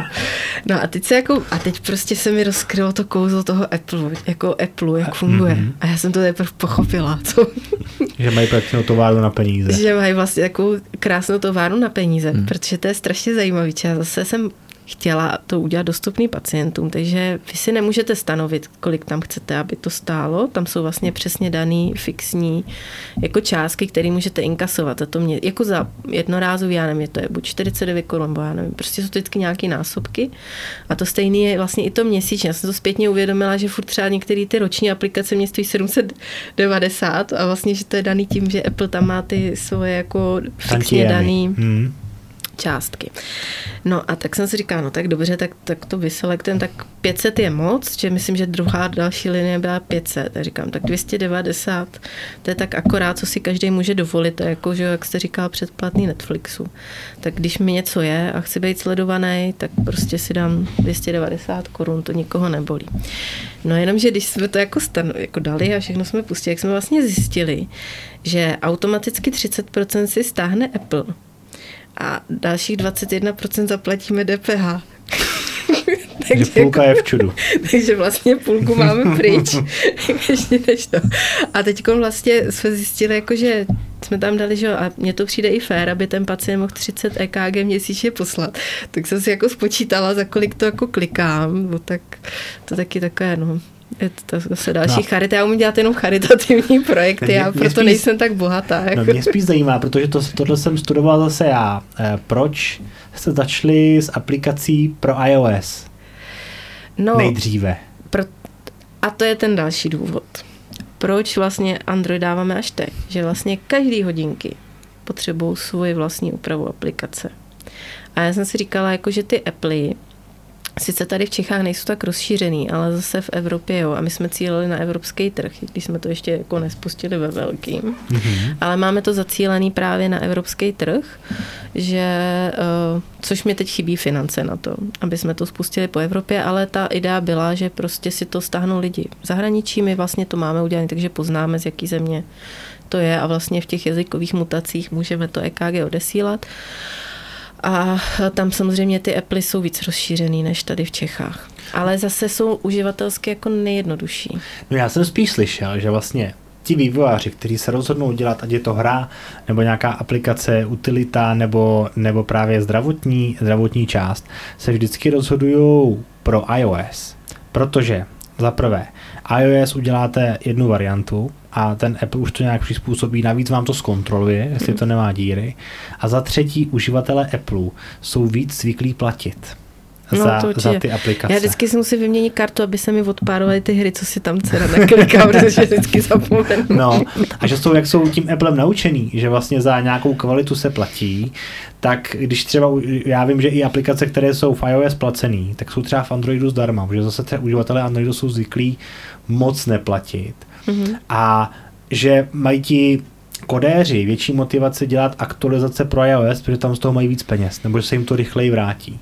Takže jestli vlastně to můžete potvrdit, že částečně to asi pravda je. Mm, já si spíš myslím, že my jsme spíš nešli do toho, že jsme věděli, že pro ty různé hodinky, že pak musíme vyselektovat, teď jsme třeba i vyselektovali, že vlastně děláme tu Android aplikaci pro Samsungy a pro Fitbity. Mhm. Vlastně mm-hmm. pro Garmin, jenom pro ty tři. Jo, protože samozřejmě hodinek je mrak dalších, chcou měřit EKG, ale prostě by nás to stálo strašný peníze. Který teď samozřejmě... A jak se ta aplikace jmenuje? MDT Watch. MDT Watch. To já si zkusím, zkusím si ji uh, stáhnout, zkusím ji zaplatit. Ale a... že to je jenom jednorázově EKG. Ale to já bych vás rád podpořil. Nicméně, chci se tady na další věc. Když jsme se bavili o tom, o tom vrcholovém sportovci. Pokud já třeba budu mít strach o svého syna, mm-hmm. který třeba má geneticky danou nějakou, mm-hmm. nějakou uh, buď autoimunitní onemocnění, nebo poruchy rytmu a tak dále, nebo o svého prarodiče, protože v mhm. dnešní mm-hmm. době můžete koupit Apple Watch a spárovat je uh, s vlastním telefonem a dát je jako uh, seniorovi nebo dítěti. A budu ho monitorovat. Budu každý den, zaplatím si tu funkci, že budu každý mm-hmm. den mhm. odesílat mm-hmm. data a zjistíte, vy zjistíte, že tam nějaká arytmie mm-hmm. je. Jak se pak na tyhle ty data zpětně, vy jste říkala, že se to může poslat i tomu lékaři. Na to ti lékaři dívá. Jestli to berou jako validní informace, ve chvíli, kdy já přijdu, monitoroval jsem dědu, který byl sice mm-hmm, v mhm, pořádku, mm-hmm. ale tady, tady mi hodinky nebo aplikace mm-hmm. přes MDT ukázalo, že tam z největší pravděpodobností bude uh, nějaká buď bradykardie mm-hmm. nebo mhm. něco takového. Věří tomu? Uh, určitě jo protože to jsou vlastně už ocečkovaný, uh, Apple Watch je i vlastně ty ostatní hodinky už mají C na hodnocení EKG a to EKG je fakt kvalitní. Proto mně se to líbí. Oni uh, na hodinky nadávali ve chvíli a hodně arytmologů na ně nadává, ne protože by to EKG neuměli měřit, ale protože nám ty pacienti začali prostě do mailu posílat bambilion křivek a všichni si myslí, že jim musíme odpovědět v jednu v noci, když nám pošlou EKG. Ale jako to EKG, že jo, za prvý tu práci nikdo nikomu nezaplatí, ale o to ani nejde, jo, ale je to i takový hrozně z mýho pohledu, já jsem takový systematik a mně to přijde hrozně jako blbý, když mi přijde pacient, teď mi přinese ten bambilion papíru, já se tím prohrabávám, nebo mi to přijde desetkrát do mailu, teď si zase musím najít, a kdo je to ta vomáčková, kdo je to tamhle stenek, odkud to vlastně přišlo a co s ním vlastně je. A to není jako, že se kouknete na EKG, napíšete to OK, vy se musíte podívat, co je to za pacienta, že jo, když už teda vy jste ten kardiolog, ošetřující, tak ta zodpovědnost je úplně jiná, než když vy nabízíte jenom to vyhodnocování EKG protože mm, ty softwary v sobě mají eh, vlastně eh, hodnocení jenom fibrilace síní, což většinou dopadá dobře, ale jsou tam i další kritéria typu, když má pacient tachykardy nad 150, nehodnotí se to. A to je přesně ta chvíle, kdy úplně normální lidi začínají vlastně si pořídí hodinky na to čisto EKG a teď jim vyjde tady ten výsledek. A oni rychle začnou hledat někoho, kdo by se jim na to EKG podíval. A vlastně eh, tady si myslím, že je ta, ta cesta, protože eh, oni, když tam uvedou, když jsou to vlastně jenom náhodní, nebo ani ne pacienti, prostě natočíte si, není vám dobře, zaplatíte si 40 korun, přijde vám zelená, všechno je v pořádku a vy furt máte i k dispozici tu EKG křivku. Jo. A nebo jste pacient v tak jakoby tom sledování měsíčním a vy když si tam napíšete, že třeba jste i pacient po ablaci, ideálně jsou to vlastně pacienti pro pacienty po ablacích, pacienti starší, protože ve starším věku na 63 let každý rok vlastně stoupá riziko toho, že máte fibrilaci síní, protože vlastně až 5% lidí na to 80 let fibrilací síní trpí. A vlastně většinou prvním projevem je ta mozková příhoda. Takže když právě eh, senior EKG posílá, tak eh, proto a uvede tam svého šetřícího lékaře, který s námi spolupracuje, což většina kardiologů je, tak my mu vlastně automaticky vytvoříme složku, kdy on, když přijde a ty, ty lékaři jsou zvyklí si tam ty výsledky u nás hledat, a on vlastně, když ten pacient přijde, tak doktor si jenom najde paní například Vomáčková a teď tam vidí 50 křivek, které jsou vlastně černé a třeba jenom jedna červená. A on si na to klikne a vidí, že tam je ta fibrilace. Plus k tomu má vlastně vyhodnocenou od nás zprávu s popisem lékaře jednou měsíčně vlastně mm. s tím nálezem. Takže už je to vlastně takový jako lékařský nález. Není to mm. jenom to, že jako někdo si myslel, že na základě heart rate variability má fibrilaci. Je to prostě reálná křivka s reálným popisem. No tak to mě až nějak překvapuje, proč to není víc, eh, protože když si vzpomenu, mě to strašně připomíná aplikaci Záchranka která byla strašně lobovaná a ta aplikace je strašně dobře udělaná. A mě tohle to připomíná, tu aplikaci, že by možná bylo lepší to nějak jako zpropagovat. Já vím, že je to otázka no. času, otázka peněz. No, právě. A, ale je to jako, podle toho, jak to vyprávíte, já kdybych to věděl dřív, tak vlastně, protože můj děda má kardiostimulátor a předtím se to dlouho nevědělo, co, co mu je, cítil se unaveně, spal třeba jako půl dne a kdybych já to viděl, tak já mu dám na, na ruku hodinky, nechám mu to prostě měsíc měřit, posílám mu to a možná bych byl jako chytřejší. Jo. Hm. To je takový, jako myslím si, že fakt pro starší lidi nebo opravdu pro pacienty, kteří mají přesně i ty palpitace, stačí, že jo, když ty hodinky stejně máte, a já to třeba i doporučuji dětskám, jo, že vlastně děti, když vlastně se je snažíme monitorovat, tak eh, prostě osmiletýmu dítěti těžko vysvětlíte, že když je ve škole, si má přiložit nějakou EKG kartičku, když, když, to, když mu dáte chytrý hodinky a naučíte ho, ta vlastně ve chvíli on to natočí a má u sebe ten telefon, tak se to automaticky odešle. Jo, takže vlastně ta pravděpodobnost, že to chytíme, i kdyby měl prostě 20krát poslat blbost, že jo, tak já vždycky říkám, když máte obtíže, klidně pošlete 3, 4, 5 záznamů. Mm-hmm. A jako mm-hmm. opravdu už jsme teď, jako my těch pacientů zatím to máme spuštěné půl roku a tím, že mm, nemáme peníze a čas a na marketing, to se přiznám, že to je naše, protože vždycky je to jenom o té propagaci, o ničem jiném. A e, tak vlastně z těch 450 pacientů, co už máme, tak opravdu tam máme i záchyty, že někdo se s tím třeba trápil 8 let. A vlastně s těma hodinkama se to zachytilo a vlastně už jsou třeba i ty lidi po ablaci. Jo? Nebo jsou to i, byla to jedna sportovkyně, jo? který se nevědělo, že má tu arytmii a právě tím, že to vždycky přišlo na vrchol zátěže, jak se to natočila a vlastně jsme to věděli mm-hmm, z toho. Mm, to je super. Existuje nějaká forma kde bychom vás, promiň Kubo, Říkej. protože já bych, to sám musím to tak, kde vás veřejnost může podpořit finančně? Že byste To, měli to nějaký ještě nenapadlo. transparentní účet. Protože Já, já tím, jak jsem z těch pacientů zvyklá, že nám nadávají za ty tři stovky, tak mě nikdy nenapadlo jako uspořádat nějakou sbírku No ale zase se tvrdila, že máte firmy, které vás pravidelně podporují. A možná, já nevím, do jaký míry je složitý vytvořit transparentní účet, dát, dát to prostě na webovky, protože to vídám dost často. Ať už se jedná, i když někdo v době, kdy se stahovaly nelegální filmy nebo prostě na černo filmy, tak byli lidi, kteří je překládali a vytvářeli titulky a měli tam podpořte mě v své práci. Mají to podcasteři, eh, podporujou, tak mít něco takového prostě na webovkách eh, já bych vás, vás určitě rád podpořím, protože tohle... Přece je to fakt jako bohulibá činnost. Před, no, bohulibá ano, ale jako když zase to dám, jak jste říkala, jak jsme se o tom bavili před natáčením, hmm. do poměru, že lidi jsou dneska schopní si předplácet Netflix, HBO Max, Apple TV, Disney+, Plus, Showtime a to všechno, Sky Showtime, jsou ty prostě streamovací služby a všechno najednou za jeden měsíc. Dají za to prostě tisíce. A pak by tady v případě, že mají babičky, dědečky, rodiče nebo někdo je geneticky postižen touhletou eh, nějakou arytmí, tak to jsou prostě pro mě líp vynaložený peníze. A já, i když třeba nemám problémy, tak rád bych si to jako občas Mm. udělal, protože nikdy nevíte, co, co může být. Mm. Jo. Tak to stojí za to trošku zpropakovat. No. Určitě, no. Akorát, že možná trošku narážíme na tu českou vlastnost toho státního zdravotnictví, protože třeba na Slovensku to zdravot, i tu dlouhodobou monitoraci zdravotní pojišťovna nehradí. A najde se 7,5 tisíce pacientů, kteří se tam uhradí a nemají s tím problém. Jo, jako to je fakt specificita, jako bych řekla, České republiky, že skutečně pacienti vnímají negativně jakoukoliv úhradu zdravotní péče, že právě si radši předplatí ten Netflix, než by, jako, protože to je spíš ta mladší No, generace. ale českou televizi má, vlastně českou televizi se taky platí. Ale to musíte povinně. Já vím, ale stojí kolik, kolik je? 160 korun, myslím, 160 ne? korun, jo.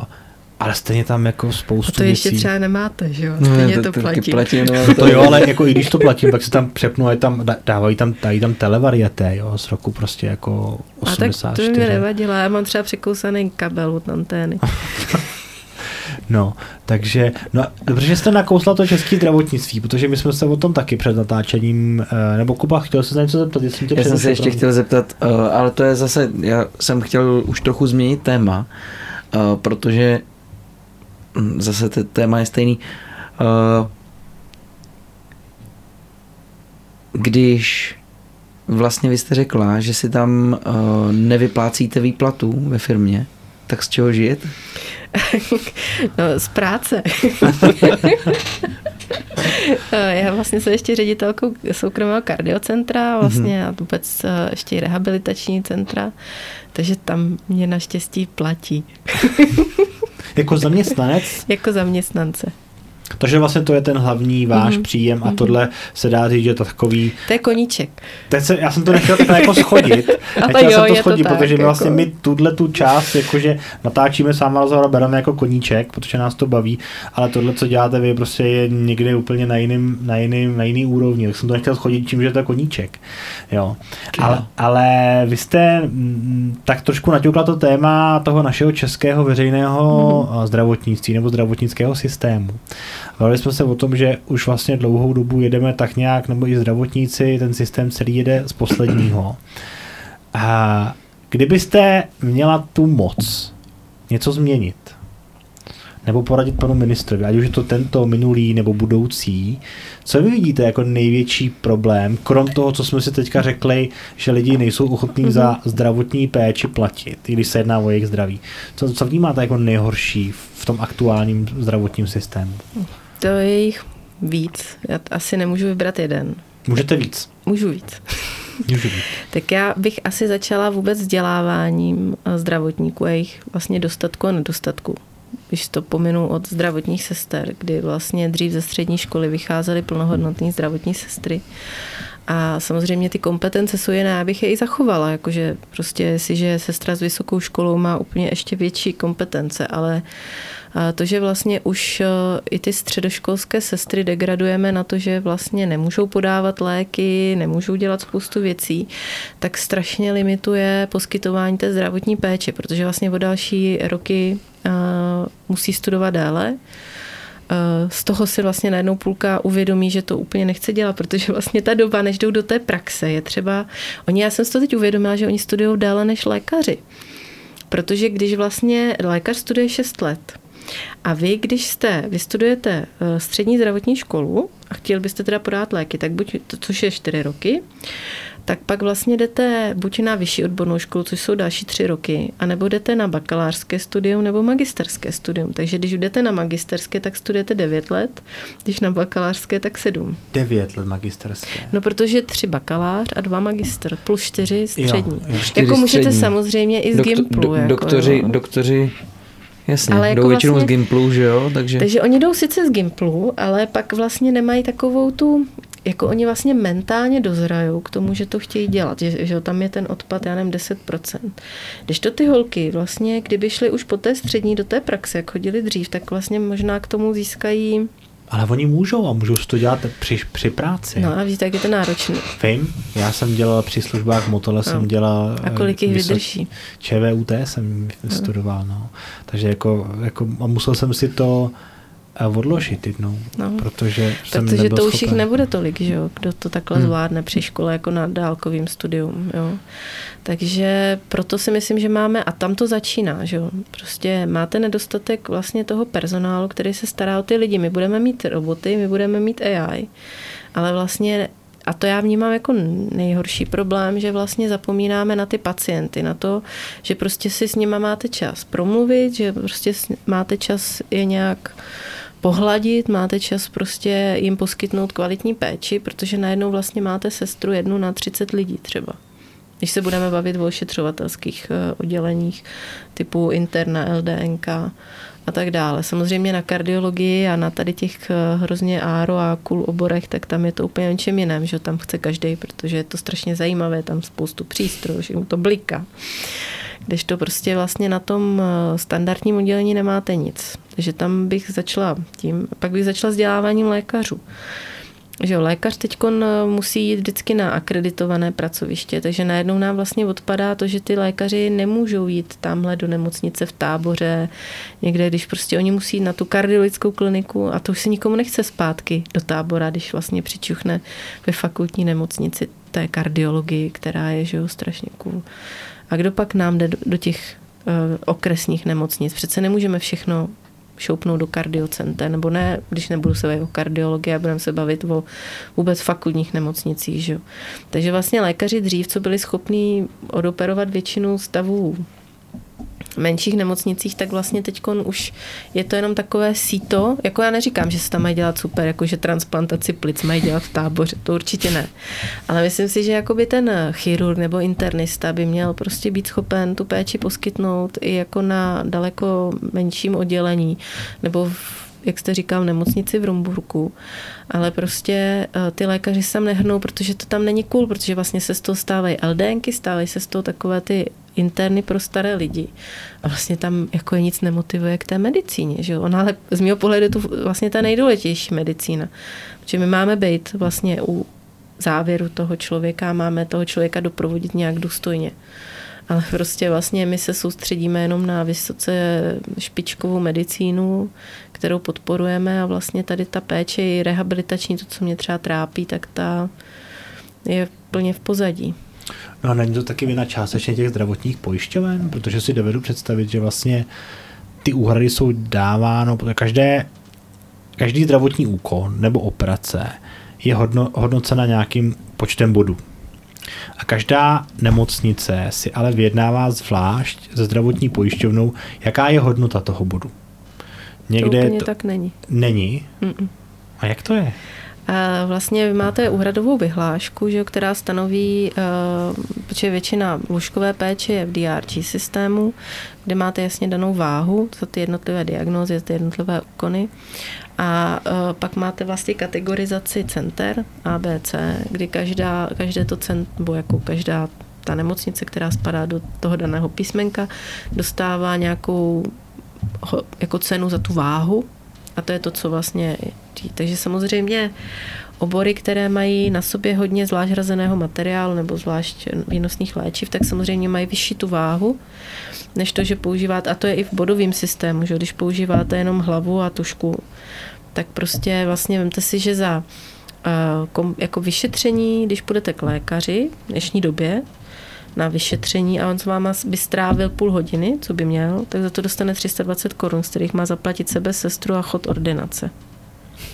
A to ještě stejně je přepočítaný pak na to puro. Mm-hmm. Takže když vlastně vy nemáte nějaký obor, který vám k tomu nese třeba jako u kardiologie echo nebo holtry, nebo v jiných oborech je to prostě nějaká přístrojová technika, tak vy, nebo byl byste třeba jenom psycholog, no tak prostě vy nejste schopen vyslechnout jako 30 lidí, že? a mhm. přitom jim dá dostatek času. No to je, to je to, o čem jsem chtěl mluvit, protože třeba klasická, když si vezmu teoreticky eh, operaci tlu, eh, slepého střeva, tak asi z praxe nebude ohodnocená stejně v IKEMu, jak v Rumburku. No to, to je první část. A pak se dostáváme k tomu, že vlastně tyhle ty malé nemocnice nejsou schopni jako finančně existovat dlouhou dobu.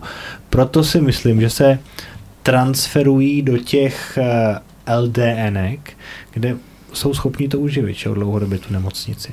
Jo, jako těch dlouhodobých intenzivních ošetřovatelských péčí a tak dále.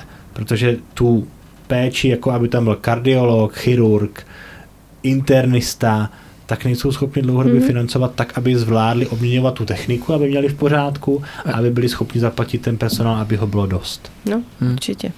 Jo? Takže část... Ale se říkám, jako nemusí v nemocnici v Rumburku dělat implantace kardiostimulátoru vysoce špičkovou péči, ale zase, když tam přijde pacient plicním edému, tak by ho měli umět zaléčit.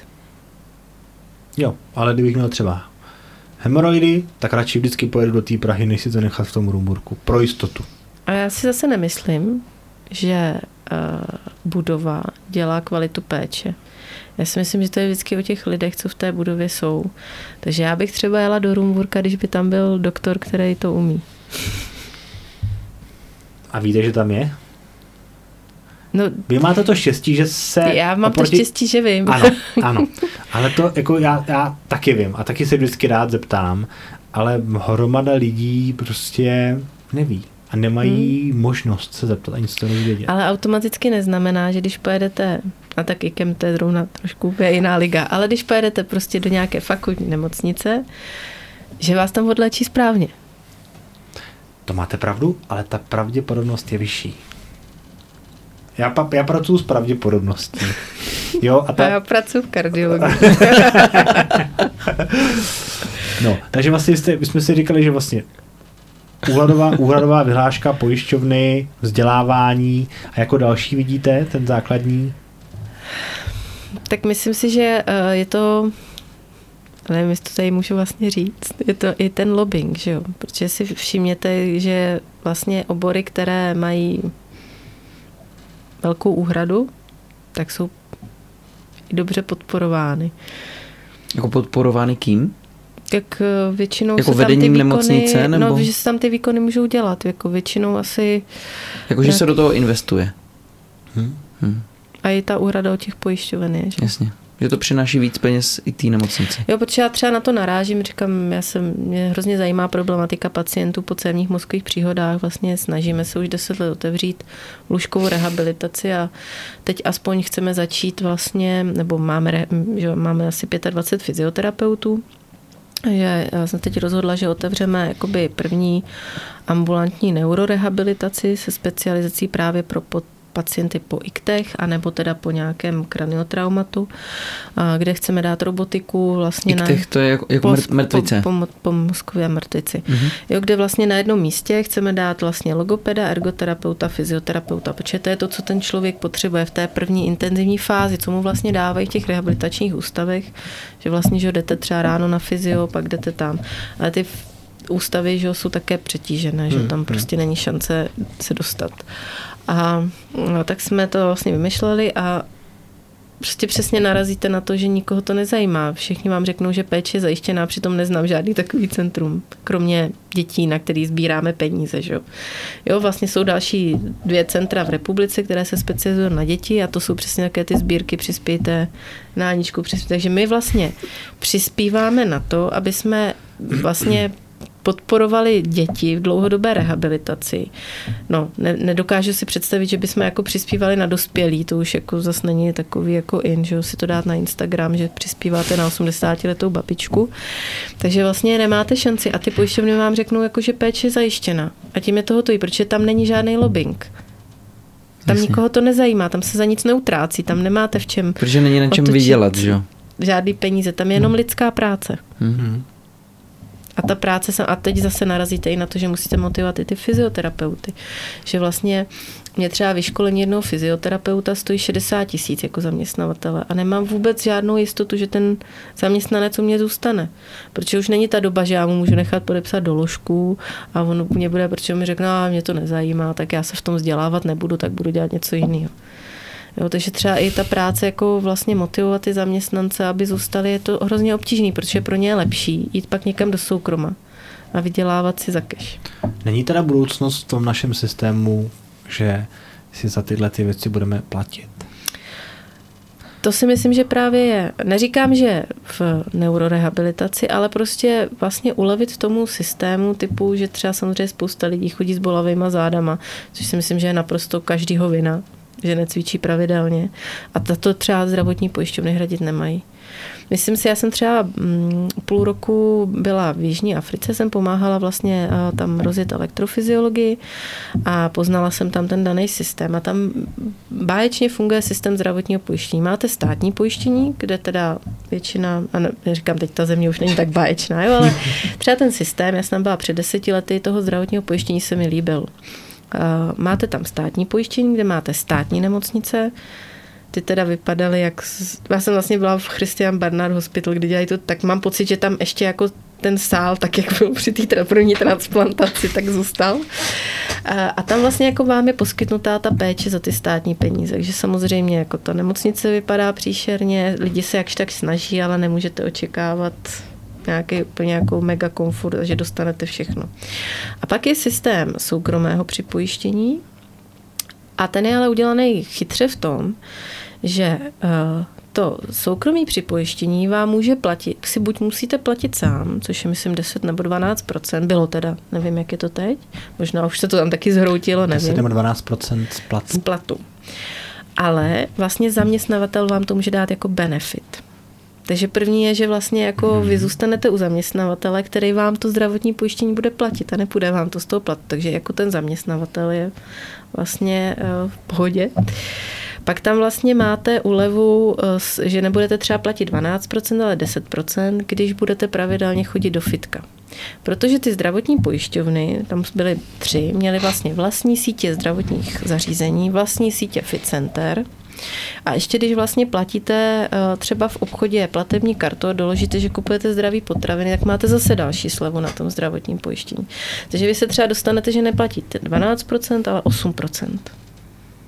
Jak to kontrolují? Jak to kontrolovali? No právě, že jste, jakože tam bylo v sítích, eh, ono v té Jižní Africe třeba, teď to možná ještě horší, jo, ale že tam zase moc nemůžete chodit po ulicích, ale prostě ty fit centra tam byly opravdu vybaveny, že tam byly chodící pásy, Ehm, prostě bazény, všechno, takže vlastně vy jste šel do takového komplexu na pojišťov, jakoby na, do toho centra těch zdravotních pojišťoven nebo na smolích, že oni vlastně tím, že jste měl tu členskou kartu, tak ví, že tam chodíte.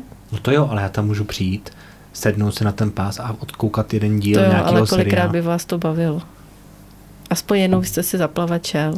To jo, ale jako tam vím, že v Čechách by to asi nedopadlo, protože tam, tam no, by prostě... ale já neříkám, že to jako jim, ale mně se to třeba líbilo, jo, že vlastně mm-hmm. vás to jako motivuje. to neříkám, motivace. že to je prostě mm. jako nastavení jako pro naši společnost, jo, ale když ta motivace není žádná a vy si fakt vezmete, že naimplantujete člověku přístroje za milion a on ještě prostě s tím heartmatem s nějakým si jde zase zakouřit ven.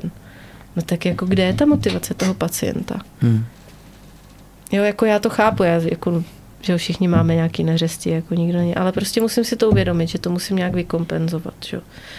když jsem prostě tlustej, tak samozřejmě část toho si můžu taky sám, že jo, neříkám vždycky, ale jako my tady vlastně teď přidáváme na to, že budeme kupovat nadměrný postele a nadměrně vlastně operační stoly, proto aby ne jsme motivovali k pacienty k hubnutí, ale aby jsme vlastně umožnili, aby jsme ty obézní mohli jako dělat. Jo.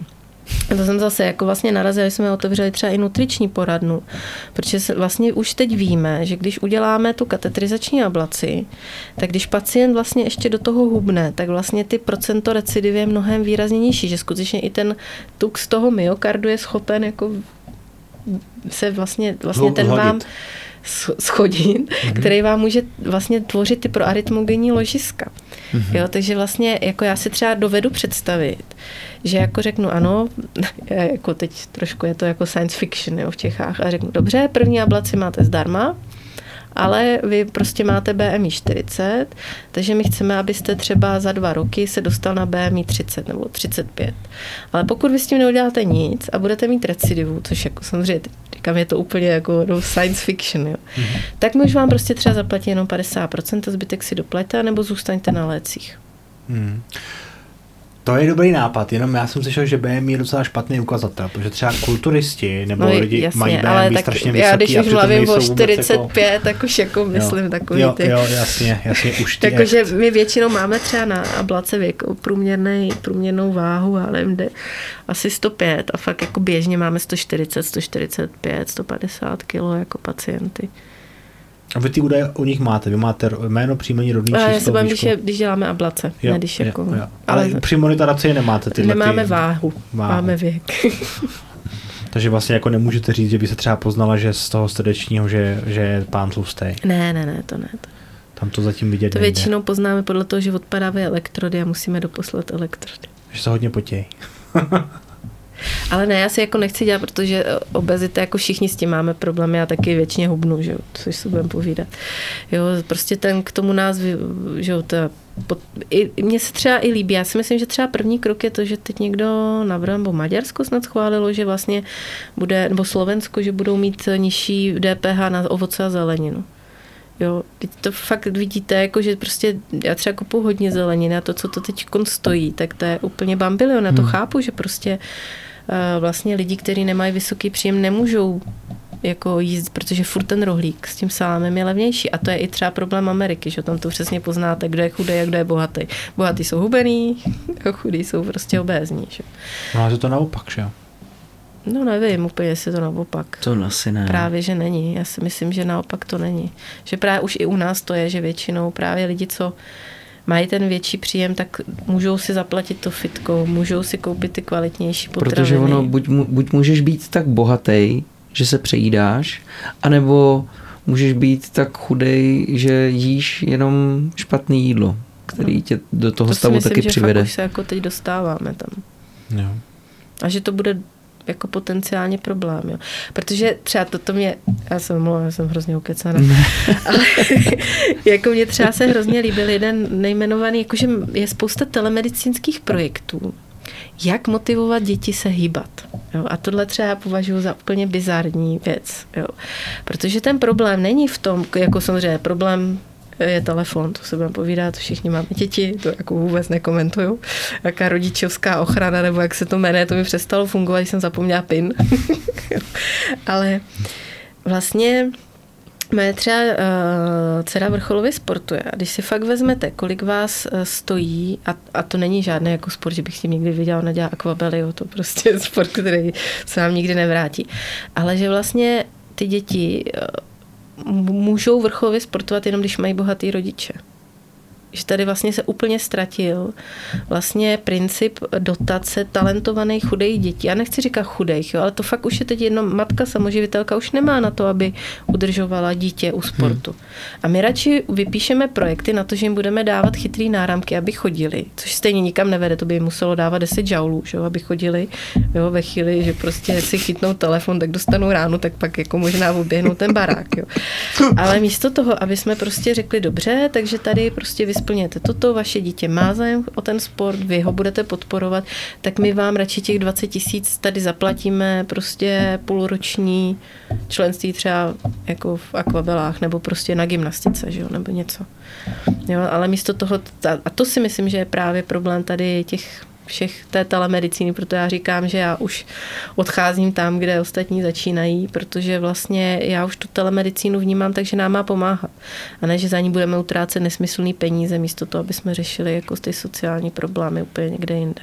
Jak to chtějí telemedicínský s těma dětma? Jakože je budou kontrolovat na dálku? No jasně, kolik odchodí kroků, no. Jo, jo, jo. Asi jim zavolají. Ale to je jedno, to je jako, já to chápu, jako myšlenka je dobrá, já neodsazuju myšlenku ale tam prostě chybí to, jako k čemu dám obéznímu dítěti náramek, když ho nebudu motivovat k tomu pohybu. Jasně. Abych ho motivoval, tak ho buď musím přihlásit do nějakého kroužku, nebo musím motivovaný rodiče. Vzhledem k tomu, že už je obézní, tak asi, že to může být problém sociální, že ty rodiče nemají na tu kvalitní že výživu, že prostě nemají s ním chodit jako na ty výlety, prostě všechno to stojí peníze. Takže my jsme vlastně v začarovaném kruhu dětské obezity která je hodně často daná i vlastně ekonomickou situací těch rodičů. Já už nevím, kde jsem tohle to slyšel, ale já si hrozně často vzpomenu na uh, takovou větu a to je, to bylo, že dnešní společnost se snaží nacházet technické záplaty na mravní problémy. A jako vlastně přesně to, co teďka popisujete, jako že se že vlastně ten náramek zařídí to, že se někdo bude jako víc hejbat, nevím, jestli No já, to já to jako mám vymyšlený, no. ale bylo by to za ty džauly, no. Že by prostě 10 džaulů neodchodil 2000 kroků, aby si každý dal pozor. Hmm. Já bych to totiž potřebovala i na ty, co vlastně sledujeme vlastně ty naše pacienty různě, v, v, ať už při tom hubnutí nebo v tom srdečním selhání, že tam všichni to je o pohybu. Jako chápu, hmm. můžou to být ty kloubní problémy, ale prostě je to o tom pohybu. Hmm. Pohyb a výživa. No, není, není to částečně dělaný jako i výchovou rodičů, protože by se to zmínila. Ve chvíli, kdy budu mít rodiče, i přesto, že budeme jako chudí, tak a budeme jezdit každý druhý den nebo o víkendech na výlety, kdy bude nějaká túra, pěti, šesti, sedmi kilometrová, tak i když ten telefon budu mít v ruce na té túře, tak přece uh, nebudu obézní, protože mám hodně pohybu. Jo. Já to vždycky vidím, že, nebo myslím si, že ten telefon se dává, tě, a já to teďka vidím, já mám rok a skoro dvouletou dceru. A ve chvíli, kdy ona ten den je, buď nemá svůj den, nebo je hodně aktivní natolik, že já prostě už ji jako nestíhám, taky třeba večer na těch 20 minut tu televizi pustím.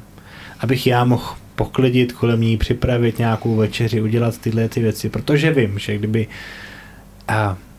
to neudělal, tak ona je za mnou, pořád něco, jo, a, a já nestihnu ty základní věci, než ona by mohla spát. Mm-hmm. Třeba nejsem tak zkušený rodič, třeba některé maminky by to zvládly jako lépe, i třeba s těma mm. dětma, ale já to takhle vnímám a myslím si, že i, ty, i ten telefon, že vydám u spoustu maminek, to dítě si nechce čistit zuby, ale když mu dám ten telefon, on kouká do telefonu, tak já mu ty zuby můžu v klidu vyčistit. Hmm.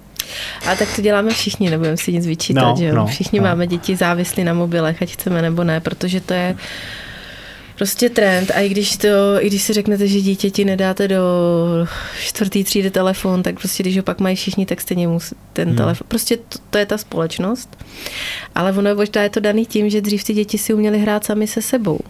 Jak my nejsme schopní zůstat sami se sebou, taky furt žmouláme ten telefon. Za prvý, že ho vidí to u nás. Hmm. A druhák, vlastně my neumíme trávit čas sami se sebou. Já hmm. třeba furt klikám, že jo. Hmm. Ale pak teda jako, když mám náhodou čas, což se stane tak si stavím Lego. ale... Já mám taky rád. No. Já byl s dcerou v, her, v dětské herníčce a tam bylo Lego Duplo. Hmm. A já jsem se tak do toho ponořil, že jsem si stavěl věž, že jsem úplně zapomněl, že tam jsem s tou dcerou. A byl jsem já normálně... jsem teď koupila mapu světa, doufám, že přes prázdniny postavím. Ano a právě byl jsem úplně běsný, když jsem postavil krásnou věž a přišli ostatní děti a zašli mi to brát. Já jsem se fakt přichytil, že jsem byl jako naštvaný, že se to chci jako dostavit. Takže jsem prostě si koupili to Lego domů a stavíme si. No a to je podle mě problém, akorát, že my ho nikdo z nás nevyřešíme, oni nás tam vlastně dostávají. Proto říkám, i ta telemedicina, to vlastně všechno stejný problém. My vlastně se stáváme naprosto závislí na těch technologiích a neumíme být sami se sebou. Že? Jako dřív si taky člověk poradí, jako když budete, dřív jste edukoval pacienta, jakože když má srdeční, že, že musí jíst léky, a teď vlastně všichni spolehají na to, že jako dostanou kouzelnou tabletku, všechno se za ně vyřeší, že nemusí dělat sami, že dostanou náramky a všichni všechno ohlídají, oni nemusí dělat nic. Že? Hmm. A to je stejný s našima dětmi. Mám taky dceru závislou na tom. Nemám, naštěstí má tolik tréninků, já to vlastně kompenzuju tím sportem, že nestíhá ten telefon tolik sledovat, ale kdyby ty tréninky neměla, tak by samozřejmě na tom byla taky pořád. Že? Hmm. Hmm. hmm. Jak jste zmiňovala, že jste byla v té nemocnici v Jihoafrický? Jihoafrické republice. Tak vy jste nám tady prozradila trošku skromně, že jste vlastně pomáhala, nebo Jakub našel, že jste pomáhala při nějaký nadaci po tsunami, nebo vlastně... To jsme s kolegou vlastně, že jsem byla v té době na druhé interní klinice, tak vlastně kolega byl ze Sri Lanky, takže se mi podařilo asi během týdne sehnat letadlo a přes vlastně Českou kardiologickou společnost oslovit lékaře, kteří nám přispěli. My jsme vlastně zakoupili materiál a odletěli jsme tam pomáhat. A pak nás bylo tolik peněz, že ještě jsme vlastně přes Adru a tam pak postavili rybářské lodě, vlastně asi, myslím, že jich bylo 30. Tak vlastně. A to bylo, to bylo v... 2005, myslím. 2005, a to byly, to co bylo kde? Na Sri Lance. Jo, už to říkal na Sri Lance. Sri Lanka, Indie. Jo, jo. No jaký to tam, jak to tam vypadalo? To je jako po každé katastrofě. Na já jsem nikdy, že po žádný katastrofě nikdy nebyl, tak já si to nedokážu Já zažil jenom povodně na, na vlastně no, tak to je skoro v roce podobný, 97. Tak to je skoro podobný, že Ale to asi nebylo tak rychlý, že? To já jsem no jako to nebylo kouk... tak rychlý, no. tam že bylo jako z těch mrtvých, zraněných a tak dále, ale jako každá katastrofa je hrozná, to si nemyslím, že nějaký hrdinství tam dojet a pomáhat. Hmm. Hmm. No tak hodně lidí by to třeba nenapadlo, že jo? Tak hodně lidí nedělá 15 let koníčka hodnocení EKG. no, já jsem se právě tak, kdybyste měla tu možnost, já nechci vás tím jako trápit, ale změnit v tom zdravotnictví, tak kdyby to byla jedna věc, tak co byste vy udělala? Protože my vlastně, vy jste člověk, který máte praxi, že jo, přímo z nemocnice, Následně máte, jste říkal, jste ředitelka toho uh, kardiocentra a máte svůj biznis v tom zdravotnictví. To znamená, dá se říct, a zároveň jste ještě uh, biomedicínský technik, to znamená, ten pohled na to zdravotnictví máte téměř ze všech těch stran, ať už z toho biznisu, tak jako, uh, jako z hlavní role, tak kdybyste měla jako poradit třeba panu ministrovi, co, co, co a nemyslím teďka aktuálnímu, ale co byste udělala vy? Představte si, že se do té pozice dostanete a z vaší zkušenosti a vědomosti, co byste jako začala jako první dělat. Protože já z vlastní zkušenosti vůbec nevím. No, to je právě hrozně obtížný, že jo? To si myslím, že se ani nedá, nedá se to ani za deset, jako deset ministrů. Já myslím, že na to, aby jsme změnili zdravotnictví, jsme potřebovali 20 let protože to nemůžete udělat za éry jednoho hmm, ministra. Hmm, hmm. A my vlastně Uhradovou vyhlášku necháváme, už nevím, kolik je od revoluce, 35 a 30 let. Máme vlastně stejnou uhradovou vyhlášku, nebo ne uhradovou vyhlášku, jako bodové ohodnocení ikonů, že jo? kdy jako optimálně přiznáváme, že vlastně nekalkulujeme s lidskou prací, protože jinak by jsme nebyli, jinak by se ten systém zhroutil, hmm. protože tam vlastně lidská práce ani není zakalkulovaná v tom bodovém ohodnocení ve smyslu sester a ostatního personálu. Já bych naopak, jako, to je hrozně těžký. Já jsem prostě člověk, který furt si říká, že mě prostě nejvíc vadí to, že se vytrácí to lidství z toho poskytování té péče. Jakože vlastně všechno přetechnizované, všechno na všechny napojíme, všechny jako se za každou cenu snažíme zachránit. A pak vlastně s, s těma lidma jako nikdo nemluví. A viděla jste třeba ve své praxi uh, nějaký systém, kde to fungovalo? Tímhle způsobem, jak říkáte, že ty vlastně ten zdravotník má čas na toho pacienta a je ochotný ten čas s ním jo, trávit? viděla v hospici. Já myslím třeba v, jiný, v jiných zemi nebo tak, no ne, ale kde mají jiný jako, systém. Že jo, vlastně to je hmm. takový ten příklad toho, kdy jako na toho pacienta je čas, protože tam už je vlastně středem ne to poskytování té péče, ale ten pacient. Jasně.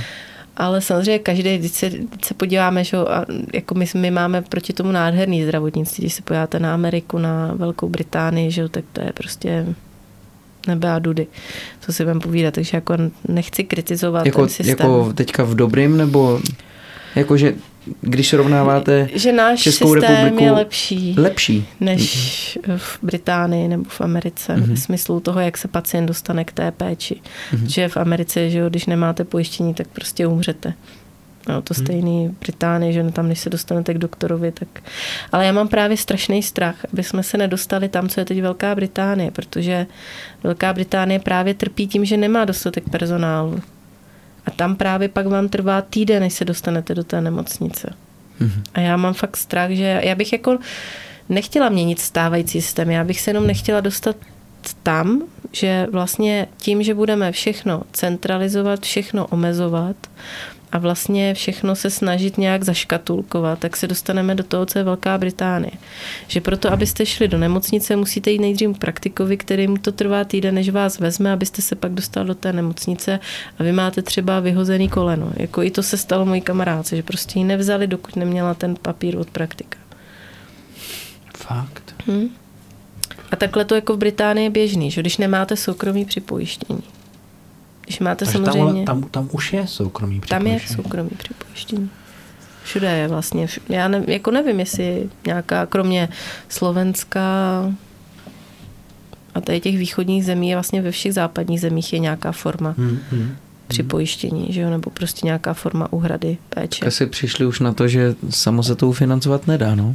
Že se na tom ty lidi no, musí podílet. A protože si myslím, že vlastně... Ono je to i motivuje hmm. potom k tomu líp s tím svým zdravím zacházet. No. Přesně jak jste říkala, proto říkám, že vlastně pro mě, ať mě spousta lidí bude třeba nenávidět, je jedna z cest si to platit mm, půlkou do značné míry, protože jak říkáte, pokud to bylo za, pe, pe, jak jste poskytovali vy, eh, tu, eh, tu, tu monitoraci, pokud to bylo za peníze pacientů, tak to bylo krásný, když vám to dlouho, ve chvíli, kdy to bylo za peníze pojišťovny, tak vám to chodilo rozbitý. Uh, vnímám teďka, a já nevím, jak dlouho to trvalo, že vlastně zubaři se potichoučku vlastně dostali, že my jsme tady měli v jednom z předchozích dílů zubaře, který říká, hele, pojišťovnou, prostě pojišťovna to má daný na nějakou normu hodinu, nebo říkal to normu hodinu. Něco takového. A ve chvíli, kdy já prostě dělám výplň, dělám díl jak 20 minut, tak už to dělám zadarmo. No, to jak jsem říkal o tom, že o té kontrole pacienta. No, no. takže já jsem se úplně vykašlal na pojišťovnu, protože a plus potom ještě se s nima dohodu vlastně x pomocí jo, ještě nějakých různý, systémů, aby mi těch, i těch 20 minut, i přesto, že to dělám hodinu, protože a ještě ten vám to srazí, že jo, jako my s tím půjdem, no. Jo. Prostě přepočítají a nejhorší je, jako pro mě je nejhorší pro jakoby poskytovatele té péče ve chvíli, nejsem fakultka, že mi někdo odlužní, prostě nejsem přímo řízená nemocnice, že vy vlastně se dozvíte, jestli vám to zaplatí nebo nezaplatí, nebo jestli vám nepřijde jenom půro, až vlastně vy skoro odezdáte daňový přiznání, že? protože hmm. vyúčtování zdravotních pojištění chodí v květnu, v červnu a vy vlastně správně máte odezdat daňový přiznání v březnu. Takže vy vlastně dostáváte zálohy. A mně se teď třeba stalo, já nevím, jestli můžu tu pojišťovnu jmenovat, jo, ale oni mi to přepočetli tak, že mi dávali nízký zálohy. My jsme prostě fakt ošetřili těch prokazatelně těch pojištěnců jako mnohem víc. A oni teď ještě po mně chtějí, vlastně dali mi eh, milion sto za celý rok a teď ještě po mně půl milionu chtějí vrátit. A vy jste prostě najednou jako že byste to dávali, platili jste DPH, jde vám to do koeficientu a teď vám někdo jako zpětně řekne, no fajn, tak teď my vám 6 měsíců platit nebudete a teď vy jim napíšete dopis, že chcete osobní schůzku, že jinak prostě asi vám nezbývá nic jiného, než prostě zrušit touhle pojišťovnou smlouvu, protože pro mě je lepší teda ošetřit méně pojištěnců za peníze, než prostě ještě jako dělat ze sebe blbce. Oni vám na ten dopis ani neodpoví. Jo, to je jako opravdu soukromý poskytovatel. Já vím, že jako se furt říká, že v českém zdravotnictví ještě máte takovou tu nálepku, že když jste soukromní, tak jste přirozeně hajzl, jako, který jako Zloděj, chce okrást, no, no. okrást pacienty, protože všichni ve státním dějí, všechno dělají pro dobro pacienta, ale tak to prostě není, protože všichni zdravotníci jsou stejní. A jako nemyslím si, že a priori soukromní zdravotnické zařízení znamená jako okrádání pacientů. Jo, ale vy vlastně, jako vám ty peníze nikdo ze zhora nedá. Že jo, vy prostě se to dozvíte jako zpětně a vlastně nikdo se s váma nebaví. Jo, jsou samozřejmě i slušnější zdravotní pojišťovny, které se s váma sejdou a třeba uděláte nějakou kompromisní dohodu, že třeba dobře nestrneme vám půl milionu, strneme vám 200 tisíc, jo, ale prostě některý se s váma nebaví. Jo, a to prostě pak si to jako nějak ekonomicky vůbec jako predikujte, že jo? To prostě se nestává ani O2, prostě O2 vám vypne telefon, když jim nezaplatíte, když to vy nemůžete zdravotní péči vypnout, protože oni vás budou žalovat o miliony, že prostě tu péči neposkytujete, když máte smlouvu s nima. Hmm. To je strašný. No já to uh. musím říct ještě na závěr k tomu tématu, že, že já třeba v dnešní době, jak jsme se bavili, jak jsem říkal o těch zubařích, já bych dneska byl nervózní, kdyby šel k zubaři, který by po mně nic nechtěl. S těma informacemi, kterou, který já mám, bych se radši šel někomu, komu jako zaplatím, protože vím, že třeba i když vím, že si mi věnoval delší dobu, obsášený třeba čistí kanálky, mám zánět, tak bych mu radši zaplatil a vím, že teda myslel si, že, že to mám nějaký v pořádku. Takže já si myslím, že to dřív nebo později by mělo přijít. Ale vím, že to je i zároveň nepopulární krok v rámci politické. Uh, a právě tady o tu politiku jde. No. Mm. Ale říkáme už to mnoho let, že se ten systém zhroutí a zatím se nezhroutil. Ale myslím si, že to je daný hlavně tím, že fakt jako hodně těch lidí to dělá jako srdcem a drží. Já nevím, co se stane třeba za 10, za 15 let, až to přestane, až všichni vyhoříme, co ještě mm, mm. jako držíme. A vlastně pak už fakt skutečně jenom přistoupí to, že jako k tomu všichni přistupují jako k práci. No tak nejdřív šli všichni čeští lékaři do Německa, tak tam půjdou i pak čeští pacienti. Německa. Vy jste ještě, uh, jestli můžu ještě se vrátit k jednomu tématu, který mě překvapilo. Vy jste říkala, že uh, vidíte novou nastupující generaci zaměstnanců, vlastně mladých lidí, který mají úplně jinak nastavený vidění nebo náhled na práci nebo nahlížení na ten pracovní svět a to nasazení, než, vlast, než jste to znala u sebe, když mm-hmm. jste začínala a vlastně sbírala ty, ty zkušenosti. Můžete nám k tomu něco nějak říct, protože jako, jak to je, jak to vnímáte? Asi, jako samozřejmě je to individuální, nemůžu mm-hmm. říct, jako, že to platí plošně, Jasně. ale to je skrze všechny obory, že, že zaměstnanci, nebo nechci říkat zaměstnanci, vlastně kdokoliv z těch mladších, Um, my jsme nastupovali, měli jsme takovou pokoru. Já jsem si vždycky myslela, že přednost je Bůh. A když jsem viděla prostě už na, na, že na fakultě, když jsem studovala, tak prostě, když jsme viděli nějakého profesora, tak jsme se báli.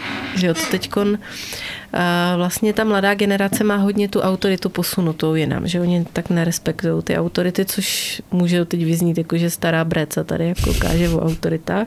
Takže to takhle nechci, aby to tak vyznělo. Já to myslím ve smyslu toho, že vlastně ty sociální sítě a vůbec jako ty mobility, jak s těma dětma, že neumí trávit čas sami se sebou. Tak já si myslím, že vlastně ty mladé, ty mladé lidi ochuze o to, že jako Oni mají najednou ten celý svět před sebou a myslí si, že všechno jako vlastně přijde samo. Protože na tom Facebooku a na tom Instagramu to všechno chodí samo do toho telefonu. Že? Kdežto za medicínou anebo i vůbec za čímkoliv je vždycky tvrdá práce. A ne vždycky, jako teď mi přijde, že ne úplně vždycky to všichni takhle chápou a hrozně dlouho jim trvá, než se na ten pracovní proces zvyknou. Hmm. A někdy to jako Většinou se mi třeba, mně se to tak osvědčuje, to přichází až s prvním dítětem, kdy najednou přijdou do té reality toho, jak to vlastně v tom životě je, že to není vlastně ten Instagram. Hmm, jo? Hmm. Že oni vlastně žijou v takovém virtuálním světě, kde vlastně je všechno možný. A v té medicíně, jako říkám, je někdy to extrém, že třeba hodně často se stává, že, že dřív se psaly zprávy na, jako starý doktoři říkají, že, jo, že vlastně měli taky stejný počet pacientů a ještě ke všemu to psali na stroji. A že pak přišel přednosta a roztrhali jim to a museli to přepisovat znova. Což si nedokážu představit, že bych teď nějakému zaměstnanci udělala, protože za prvý by mi dal výpověď a za druhý by mě ještě zažaloval za jako e, nějakou šikanu. To Ale to já bych dvěmi, ani že nechtěla jako dělat, jo? to já neříkám, že tohle je správný. Ale vlastně um, tenhle ta brutál, jako neříkám, jo, jako, že to odsouhlasuju, ale prostě tahle brutální výchova vedla k tomu, že vlastně ty lidi jako zocele, že připravilo na to, že ta medicína je hrozně tvrdá. To není jako prostě procházka růžovým sadem. Prostě vlastně ono to ty doktory připravovalo na to, že jim ten pacient umře, když vydrží jako hrozný úsilí. A já si myslím, že právě tady u té mladší generace teď může docházet k tomu syndromu vyhoření. Vlastně, že oni jako si myslí, že to všechno bude hned, že všechno dokážou hned, že všechny výkony můžou dělat hned a že vlastně ty lidi nebudou umírat. Jo, a prostě, že přednášky se dělají sami, a, ale samozřejmě znám jako mezi kolegy mladší, kteří jako to chtějí dělat, ale my jsme třeba na sálech trávili fakt do, do noci, když jsme začínali dělat ty výkony a trvalo to dlouho. Neříkám, že mě to bylo příjemné, ale nepřišlo mi to divný. Hmm. Ale to nikdo po nich ani nechce. Jo, já nechci po zaměstnancích, aby tam trávili přes čas. Ale tak nějak vnitřně očekávám, že když je třeba nějaký zajímavý případ nebo zajímavá věc, že se na to přijdou podívat. Nebo že si to zpětně nastudujou, co to bylo, nebo že se přijdou zeptat. A mě třeba fascinuje a, taková ta, a to oni teda mají, tu, tu si myslím, že to je asi daný teď tou výchovou. My jsme trošku přece jenom byli jiná generace. A že oni jsou přesvědčeni o své pravdě. Jo, takže mně se stává, že třeba pozvu nějakého mentora, který má něco učit. Oni vlastně tu metodu neznají, dělají třeba půl roku. A, a vlastně skončí to tím, že poučují toho mentora, že takhle to fungovat nemůže, protože oni vědí, že už to funguje jinak. Jo, že to, to já bych si v životě nedovolila. Jo, neříkám, že to je úplně špatně, jako ne, nemusí jako souhlasit, že jo, tam má to být o té diskuzi. A to stejně třeba i s tím hodnocení EKG, že vždycky říkám holkám, než to zaklikáte špatně, že si nejste ničím jistý, radši se zeptejte. My pak, co protože vlastně máme jako trojitý systém kontroly, že třeba když se začíná mladý, tak pak to po něm video je jako starší a pak to teprve jde lékaři, aby neměli s tím tolik práce. A vy pak to dostanete a řekne, proč se nezeptal? Teď já sama nevím, co je na tom EKG, a ty jsi byla jistá, jako co to je? No, já jsem si jistá. jo, jako oni mají prostě to sebevědomí úplně jako někde jinde. Což a čím to je? Kdo je to učí? Já nevím. Já totiž vnímám dvě, dvě části. První, první část spektra říká, ti mladí jsou líní, za mých dob to tak nebylo. A zase naopak ta druhá část, většinou ti mladí říkají, my nechceme být jako ty starý a trávit svůj život v práci. My si chceme ten život v tom našem mladém věku užít. Ale samozřejmě taky to můžeme na to nahlížet objektivně, že ve chvíli, kdy je někdo uh, ambiciozní a entuziastický, tak té práci dá všechno, protože chce mít v té práci úspěch a chce se někde posouvat a někdo chodí do té práce jenom pro peníze. To znamená, mm. že od 8 do půl pátý mm-hmm. vypadne mu tuška, myš, klávesnice nebo volant podle toho, co dělá a chce si jít prostě domů sednout k televizi, zapnout si ten svůj oblíbený seriál. A já, čím jsem starší, tak začínám tenhle ten druhý typ lidí chápat, protože to je vlastně jako jejich věc. Jo, já to taky neodsuzuju. Jo. Akorát ty lidi pak nemůžou očekávat, že na tom budou stejně jako jo, ty lidi, to co jsem tomu tomu dostat, nic. že pak je vlastně úplně ten největší myšma, že ty lidi chtějí mít jenom pro ty peníze a očekávají, že za, za jednou do té práce přijdou a řekne jim šéf, pracuješ super, povyšuju tě na ředitele pobočky, budeš brát 250 tisíc měsíčně a tady máš tomu BMW. Mm-hmm. A když to pak nepřichází, tak tyhle ty lidi jsou jako vyhořelí nebo, nebo jsou v té no. práci jako mm. naštvaný. No. A já nevím, co je dobře.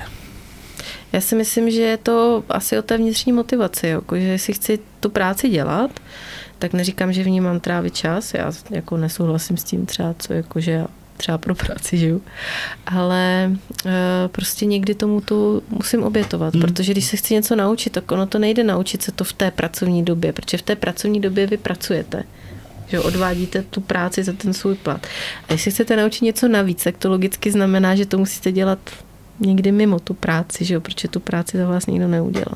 A víte, co je nejhorší? Že to dělají i sportovci. Jakože v práci dělají No ne, sport. dřív to bylo tak. A ne, ne, to, a to, to, to vidíte, nebo takhle, já to vnímám, že kdy naposledy byl nějaký velký úspěch hokejové nebo fotbalové reprezentace. Jo? Rok 2004, možná, možná dřív. A když teďka vlastně na když poslouchám radiožurnál, tak tam jsou vlastně, že jo, tam jsou tam rozhovory Jarda Jager, Procházka, a, a další z té zlaté éry.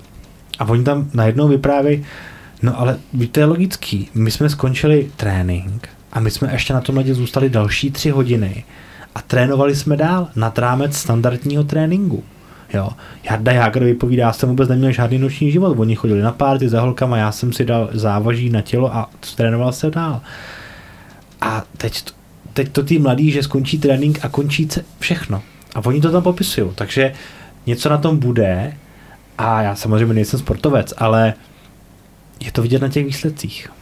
Hmm. Nebo jestli mě oprav, opravíte, ne, nebo to, protože to jako... já jsem byl vždycky přikovaný k televizi od roku 96 kdy jsme měli nějaký jako vítězství a teďka se mi, a vždycky jsem se na to těšil, teďka se mi k té televizi vůbec ani nechce jít. Protože máš zase jiný zájmy určitě.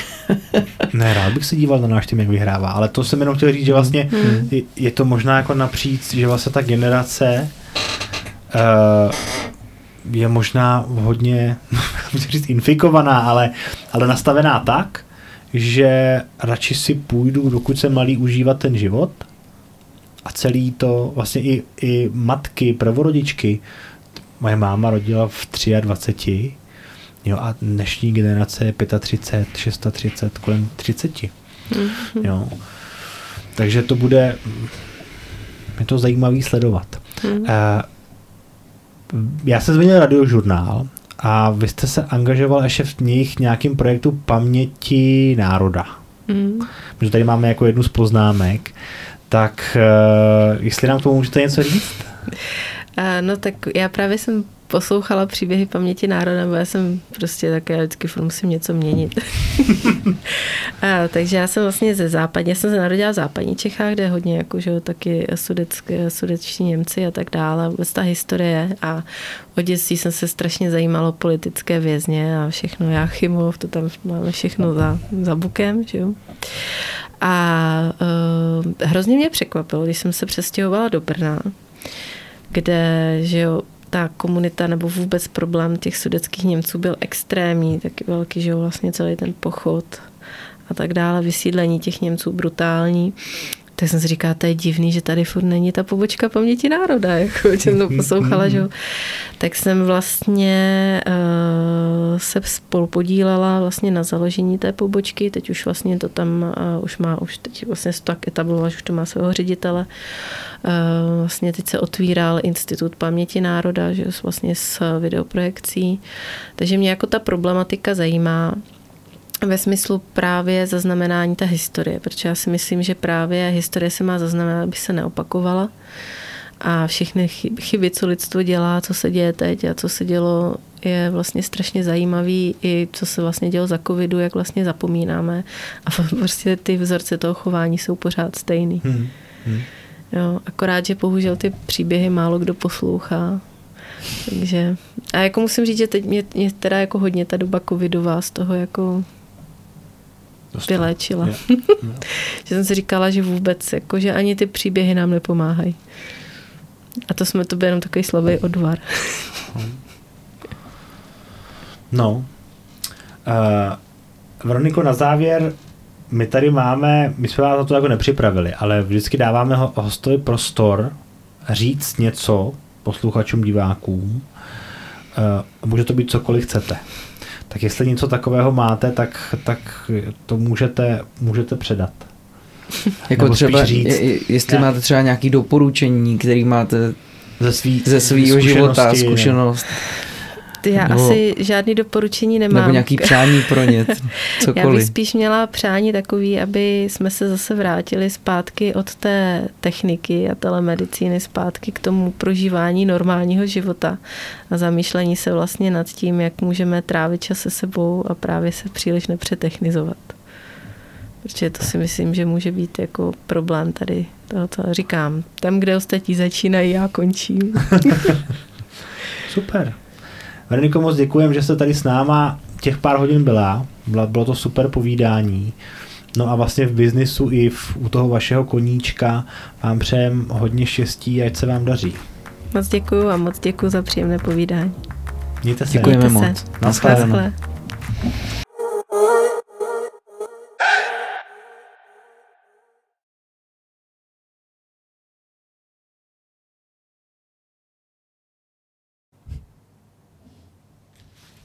Vy jste ještě tady?